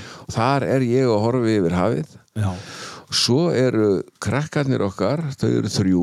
Já. og þau eru öll á kásnesinu líka. Þau eru stutt til þess að gera stutt frá okkur. Þau eru svona já, einn er hinni megin á kásnesinu og tvö eru svona eiginlega upp á því. Já, já, að heiðislegt já, Steinsnar frá. Já, það er bara indislegt sko, það er nokkur ár síðan þetta raðaðist svona sko. Það er ekkit óvart að það gerist Nei, Nei. sko, og, og Inga mín stjórnaði svolítið í þessu þannig að hún sagði strax, sko, herðu við þurfum bara, svo veist, koma þessu einhvern veginn þannig fyrir þau séu öll hérna bara á svæðinu, sko. Já, einmitt og, Af hverju ekki að búa nálægt ef þið getið það, sko, frekar? já, já, já, og við gáttum líka aðstóð við erum heppin með það að geta hjálpaði maður í svona húsnæðismálunum og svona, veist, það er eins og foreldrar gera ef þau geta Já, eitthvað, sko.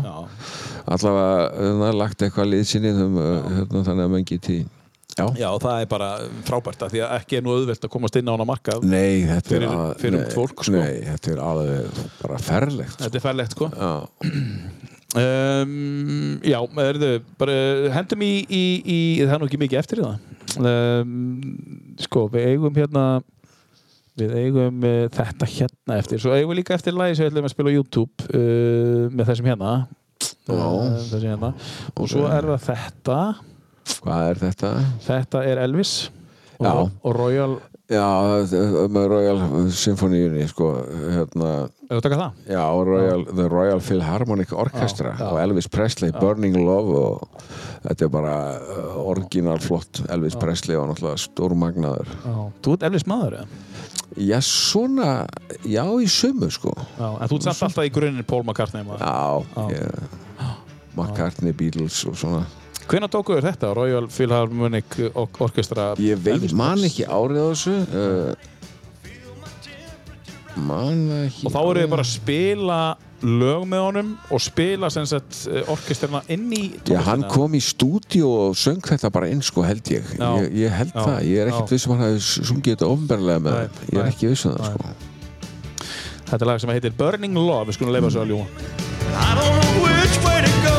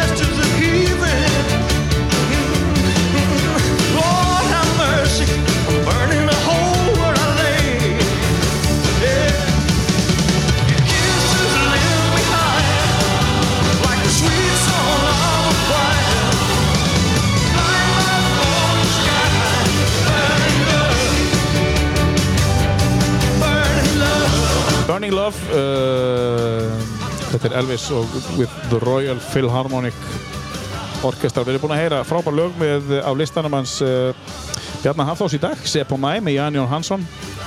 Obla Dí Obla Da. Við fengum söguna yfir hvað Obla Dí Obla Da. Við höldum að það haldi. Uh, þýði. Margrét Eyr og Heyr Himnasmiður. Here comes uh, the sun með Beatlunum. Beach Boys Sloop John B um, Svo þetta, Elvis Paul McCartney, Little Willow sem við skorum á okkur að hlusta á texta á. Og svo Creedence Clearwater Revival sem var svolítið hjartnæm svona saga á bakvið það Have You Ever Seen the Rain? Fekk að vera með uh, tölu eftir um, og þá verð ég að spyrja uh, um, bókin sem er að koma núna. Um, þetta er fyrsta barnabókin. Hvað hefur skrifað meira? Sko ég hef í raun og veru sko, ég, það sem ég hef skrifað svona bara eru svona einhverju prívat hlutir sko, ekkert, ekkert uh, sko ég skrifaði bara bókina tími til að tengja svona Já. tíma og svo Já. þessa barnabók og uh, ég hef ekkert skrifað meira sem hefur komið út allavega ekki sem ég man eftir og uh, þetta er bara sko ég er með ákveðna hluti í skoðun Já. og það getur vel verið að verði af því að ég hérna skrifa kannski, geri kannski bók um uh, ég er ekki alveg ákveðin í þessu sko en, en þessi sagnakvöld sem ég er með núna þessi tvö, það getur vel verið að ég skrifi þau uh, niður sko, að láti skrifa þau og, og, og prófi að útbúa þau í skrifað, skrifað form jáfnvel og uh, sem hugsanlega er þá bara lesið inn líka á Storytel eða bara hvort að trakkið á sagnakvöldinu er ég sett ángað inn. Já, En ef ég setti þetta í bók kannski, svona sögur og ég, ég spáði að gera dægulega textana mína og segja frá þeim og byrta þá, skrifa og skrifa um þá og svo uh, setja bara semja ný ljóð. Aðeins ekki að fara inn í það, þá get ég gett þetta í einni bók sem var í ljóð ný. Já. dægulega textarnir mínum með útskýringum svona sögum. Og kannski sagnakvöldin þetta getur verið svolítið svona öðruvísi bók. Bara allt með Bjarnar Já, Hafþór allt í einni bók. Já. það skiptir svona Já. skipt þetta, þetta er ein hugmynd sem ég er svona aðeins að velta fyrir mér. Ég veit ekki hvort hún verður að veruleika. En hvað með uh, skáldsögu? Uh, fullorðins skáldsögu Já. hefur aldrei verið beðin um að skrifa Jó, það hefur oft verið rætt eh, við mig sko og, og, þar sem þú ert um mikill sagnamaður sko. Já, já, menn hafa sagt ég að skrifa og skrifa og skrifa og, og sérstaklega eftir að tengja bókin kom Já. út sko þá hafa sömur rætt þetta við mig og sagt þú verður að skrifa áfram og skrifa meira Ég, ég, það getur vel verið og það, en ég er ekki vissum sko, þessar stóru skáldsögu form sko, Mhm. eru eh, ég er, veit ekki alveg hvað jú, jú, það, það mér finnst svona áhugaverðar í stittir í skáldsögur heldur en þessi stóru gamlu verk sko, ég held að þeirra tími segja vel meira líðin Já, ég held að líka, við vorum að tala hérna við Átna Átnásson Rittöfund bara hérna sem var rétt á undan þér í, í Mhm. hann er nýbúin að gefa út bók. Og voru að tala um svona góð bók er svona kannski 200 blaðsjur Já. í dag, svona þessi þykkt hérna. Já, Þetta má ekki vera mikið meira við höfum ekki antikli, við, það við er erum ekki að taka J.R.R. Tolkien sko, Tolkien þetta hérna sko. Það er líka, þú veist, einstaklingur í dag sko, hann hefur þetta er svo, hún býðst svo margt sem áreitir augu og eru Já, frá byrjun til um, allan daginn. Já, þegar þessi stóru bæku voru að koma út sko, þá var þetta svo þakklátt sko. þetta var það eina sem þú hafði sko, og ég var ofta að hugsa um sko, hvernig heilastar sem minn var hjá mönnum sko, ef maður kannski var í sveit um miðja síðustu öld. Já, svo kannski að voru til kom maður í heimsókn og dvaldi eh, daglangt í húsinu og sagði tværa þeirra sögur. Já, þá gætt fólki sko með rífunar allt sumarið hugsaði þess að þeirra sögur Já. fram og aftur. Já, og rætt hana Já, fram og já, og tilbaka, þá kom hann Hjalti hérna og það sagði okkur sér svona frá þessu. Og hann, þú maður nú hvað hann Hjalti sagði. Já. Hjalti sagði að það væri já, það er rétt þegar Hjalti kom. Og þá getur menn bara verið í þessu. Já, já. en í dag færðu þessar þrjár sögur sko á þremur mínútum með einhverjum úrdráttum og fyrirsögnum. Og svo eru aðrar 1200 komnar inn á næsta klukkutíma sko. akkurat sko. Þannig að þetta er alveg gjörbreytt staða. Já, já. Þannig að Þetta er líka gjöfberið stað varandi hérna, litlubörnin vegna þess að mm, litlubörnin eru alveg uppi að fá bara sketsa og bara punchlines endalust með Já. þessum vídjóum já, þannig að það er engin uppbygging nei. og, og þegar þau ætla svo kannski að fara að horfa á bíómynd í fullulengt já, að það er svo löng uppbygging að einhverju sorglega atriði eða skemmtilegu Já. að þau hafi ekki þólin maður til Nei. þess að býða eftir því. Nei, það er nefnilega, þetta er, þetta er dálítið merkileg pæling sko og hvernig, maður átt að ekki alveg á því hvað gerist í, í þessum bransa, það er til þessi hámhorf í sumar þáttaræðir Já, En ég stundu velti fyrir mig hvað, hvað mun það endast hvað, þetta, þetta þurfa að vera mjög góða þáttaraði til að hámhorfið í sér stað en það er samt sem að vera alveg hægt held ég að fólk Já, getur hort eins og á, á krán og, og hérna. Já, og einhverja svona velgerða þætti um einhverja sögulega tengt eða góða skáldsögur. Já, já, og þá ráða mér líka sínum tíma sjálfur og Algjörlega. horfa á þetta þau vilja og, þetta, mér finnst þetta kannski svolítið það sem er að koma einhver kannski svona þáttaræðir jú, jú, og svo einu og einn bíómynd en maður veit bara orðið ekkit í dag. Ég, meina, ég, ég er með alls konar svona rásir heima og alla þessa, þú veist uh, möguleika. Já, já. Svo kveiki ég á sjónvapinu og, og opna á þetta og, og ég skil bara ekkert að því sem er þarna skilur. þetta er bara frambóðið svo gríðarlegt. Já. Að maður er hættur að sjá nokkuð skapaðan hlut Það er veit það er engin nöfn á leikurum ég veit ekkert hvað þetta er sko. Nei, nei. bara veit ekkert hvað þetta er Síðan var líka kvikmyndarleikstjóri sem satt hérna, Ólafur Jöran uh, frá Akureyri, hann, hann sagði líka þetta að við getum fengið vinnu hjá Netflix ekkert mál svona, bara, Mm. en þá eru bara alltaf einhverju gæði sem segja hvað við erum að gera þeir þurfa að fá sko titilinn kvikmyndarleikstjóri Já. til þess að geta gert eitthvað. En, en, en, en síðan er ég búin að standa kannski í 8-9 mánu að búa til einhverja, einhverja serju Mhm. og þú klárar hann á tveim vikum.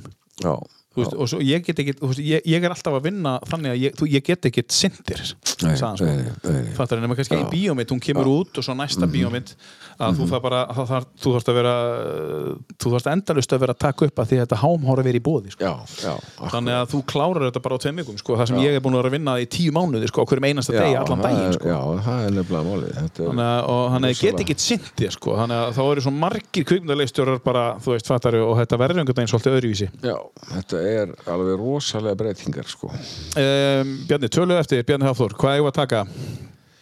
uh, ekki bara Þetta er annarkort uh, Highwayman eða mm, ef að taka, já, að taka bara Highwaymen til að byrja með Já. þessum snillingum þetta bara, þú veist, Bobby McGee er hérna það sem að Jenny Joplin gerði frægt, sko, en já, já, þetta er Chris Kristoffersson lag Já, og já. texti og þetta er hérna með þessum snillingum hérna, Já. við vorum alltaf saman hérna fjórir og, já, já.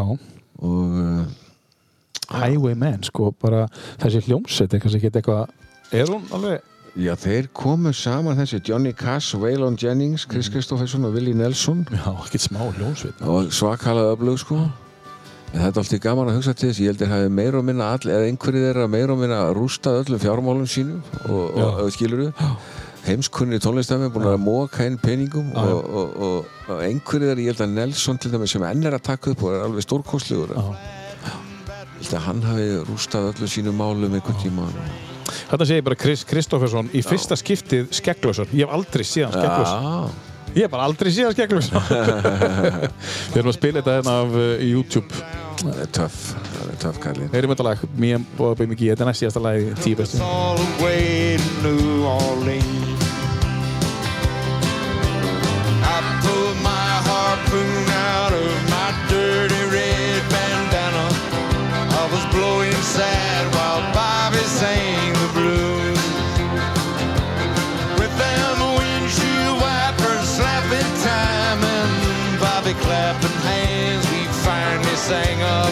every song that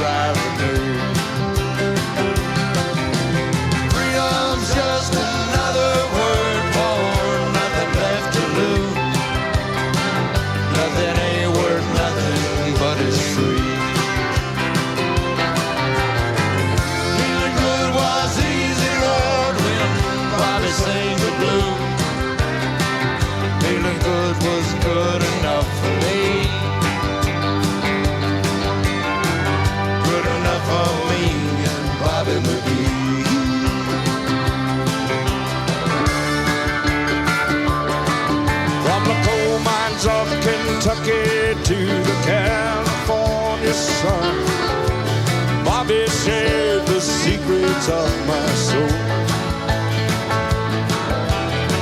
Standing right beside me, Lord, through everything I've done. Every night she'd keep me from the cold.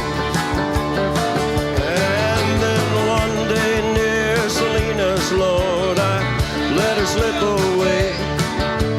Searching for the home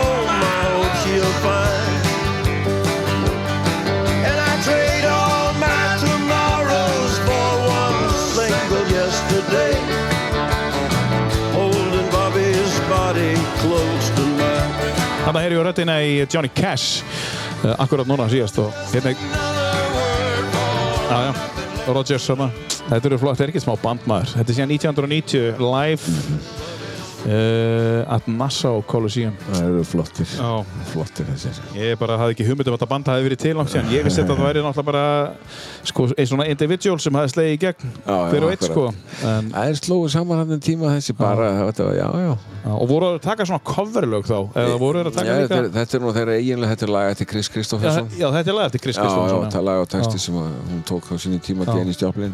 Já, einmitt En uh, já, ég heldur að það veri bara með sín lög, Já, sko.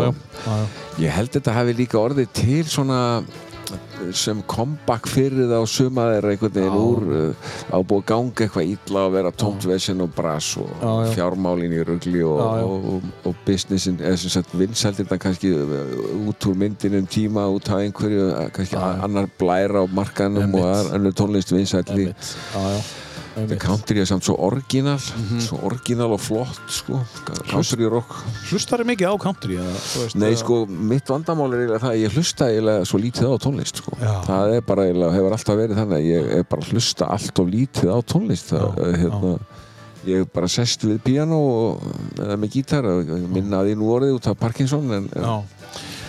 En hérna Væri það ekki gott fyrir þig samt að gera það? jú, reyfingunar jú, og allt jú, ég þarf að aðtast meira á piano Já. að gera það svolítið. Já, já. þegar ég er að semja þá nota ég piano Hva, hvað spilar þú mörg hljóðfæri þá? Svona, Ég hef bara spilað þessi tvö, þetta Já. er gítar og piano Já, og, og ég setni tíð eiginlega, mjög, eiginlega bara pianoði sko. já, Mér svona, já, mér gengur ekki eins vel að halda góðum slætti með hægri hendinni sko, á nei, gítarinn Nei, já, þá fíla ég það ekki eins og maður segir það er ekki svona, það er ekki alveg það er ekki alveg í nei.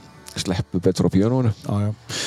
Uh, nú er komið haust 2022. Hvað er framöndan hjá þig núna í vetur, fram að jólum og yfir veturinn? Hvernig, hvernig er næstu mánuðir? Er náttúrulega afal hlutverki, ný, ný, lá, eh, ný lóa kominn og Já, já, uh, ég veit ekki hvað ég að segja um það fundir hjá leinifélaginu. Já, ég sko ég plana, er nú mest að plana sko, ég er nú verið að hugsa einbetta mér að því að stunda líkamsrækt og fara Já. að hugsa um kerfið og líkamann og hausin á mér. Já, ég veit ekki alveg hvað ég á að gera í samvægt við þessi sagnakvöld. Það er uh, bara verið að spurja mig út um allt sko, hvort það ekki að gera það fyrir sunnan og, tvö, tvö uppselt kvöld hér. já, þannig að ég veit ekki alveg kannski kannski ger ég eitthvað aðeins í því ég ætla bara aðeins að hugsa það. Ég, hérna, Já, já.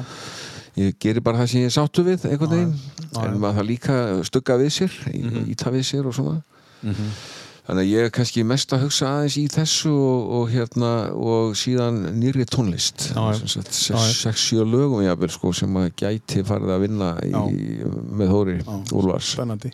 Uh, ég las uh, þína fyrstu umsögn um þetta sagnakvöld í morgun á Facebook mm. og, og þá var það eitt sem að sagði, sem að þú einmitt talar um að hafa knúsað í gær sem að hafði, segir að hláturinn eigi að lengja lífið en það var við það að hann myndi einfallega að láta lífið því að hann náði ekki andanum sko, að þetta var svo skemmtilegt hann orðaði það svo skemmtilega, hann Gunnar Níelsson Já, uh, en þetta er þetta hefur, uh, það var mikil heið í gær og í fyrir dag Já, það Já. var það. Það var Já. bara virkilega gaman að finna það. Sko, þetta eru sögur sem að, auðvitað eru stílfærðar, já, já, en það eru byggðar á einhvers konar raunveruleika allar saman og, og hafa fyllt mér og mínum ættingjum uh, í- og svona, og já. mínu fólki og sískinum og svona. Mm. Og við höfum alltaf skemmt okkur við þetta og höfum alltaf gaman að þessu og það er gaman að finna að, að uh, þegar aðrir allt í hennu fá þetta í æða þá bara uh, veltastur um að hlátri. Og lítur það- að vera gaman að sjá heilan það hundra manns eða hvað já, það er. það er indislegt sko og, og hérna og þá, eh, sem sagt, já af því að stundum heldur maður að Æ, við erum að hlæja að þessu sískinin sko, frændur mínir, við frængur mínar við erum að hlæja að þessu saman sko. Afa, þetta þegar hann var orðin ruglaður og eitthvað svona Mhm. svo segir maður söguna bara yfir eitthvað svona hópi sem hlátri. Og já. En það er ekki bara sagan, það er hvernig þú segir líka. Já, takk fyrir það, já. það er nú bara þannig. Og Já, þú ert sögumæður eins og pappiðin var. Já, takk fyrir það hver Ég- tekur við að þér eh, sem sögumæður fjölskyldunar Já, allir það sé ekki dóttir mín, hún Anna sko, Já. hún kannski ekki, ekki, ekki segir ekki sögur eins og, eins og ég er að segja eða pappi sagði sko, en, en hún segir þær í, í hérna bókum og handritum Já. og sviðir eða fram að myndavélar mm Kannski er Lóa næsta, og svo Lóa, já hún geti verið næsta sögumanneskja á þess að vitir það. Já. En strákarnir 11 og 15 Jú, ára, eru þeir, þeir? jú, þeir geti gert það líka Já. það er alveg heiklust og það er bara maður veit þetta ekki Nei, nei. Það er, þau hafa öll hæfileiki þetta og, og tengdadætsurnar og, og, stjúpsonurinn og þeir- ef, ef þau vilja sko. Ef þið viljið það, sko. Já. maður átt að sé ekki á því sko. Nei, ég skoraði að, að, að hérna, taka upp pennan og skrifa, eða pennan, þú tekur upp tölvu í dag og skrifar, en að skrifa skálsug. Já, þú segir. Já, bara ég, ég væri alveg til í að sjá skálsögu frá þér. Bara hvernig þú segir frá því, sko. Er, þetta snýst um hvernig þú orðar hlutina. já, og, já, já, já, ég skal, ég skal hugsa já, ég skal allavega hugsa um Hugsa þetta. Uh, ég er það ekki svo eini sem er að skora á því ég veit að það er nú fleiri sko. Það kom að síðast að læginu, Bjarni Áþór já, Já, ég tók hana með eh, sko, nú, ma- fyrst maður fór að horfa á eitthvað og hugsa eitthvað þá verður maður að hugsa til Pink Floyd sem að koma sterkir inn þegar ég er á mennskóla árunum já, og Pink Floyd var uh, bara, maður hlustaði svo mikið á þá. Og svo, uh, en, en þetta lag sem ég valdi þarna fann ég nú bara setna og það kom samt sem þú aður út uh, 1990 eitthvað. 94 eitthvað sluðis já, já, þetta kemur svona seint út. Já, en ég heyrði ekkit fyrir mörgum árum síðan og það var á tónleikum með David Gilmour og, og uh, ekki raun og verið Pink Floyd beint en 94, hár rétt hjá þér. Já, á The Division Bell plötunni já. og þannig að það er svona eftir að ég var mest að hlusta á. Já, en mér finnst þetta lag feikilega gott sem heitir Coming Back to Life og, og mér finnst þó Roger Waters hafi samið uh, mikið af lögunum sko fyrir Pink Floyd þá finnst mér Gilmour alltaf svolítið Pink Floyd. Já, já, já, ég, ég finnst hann alveg frábær tónlistamæður já, já.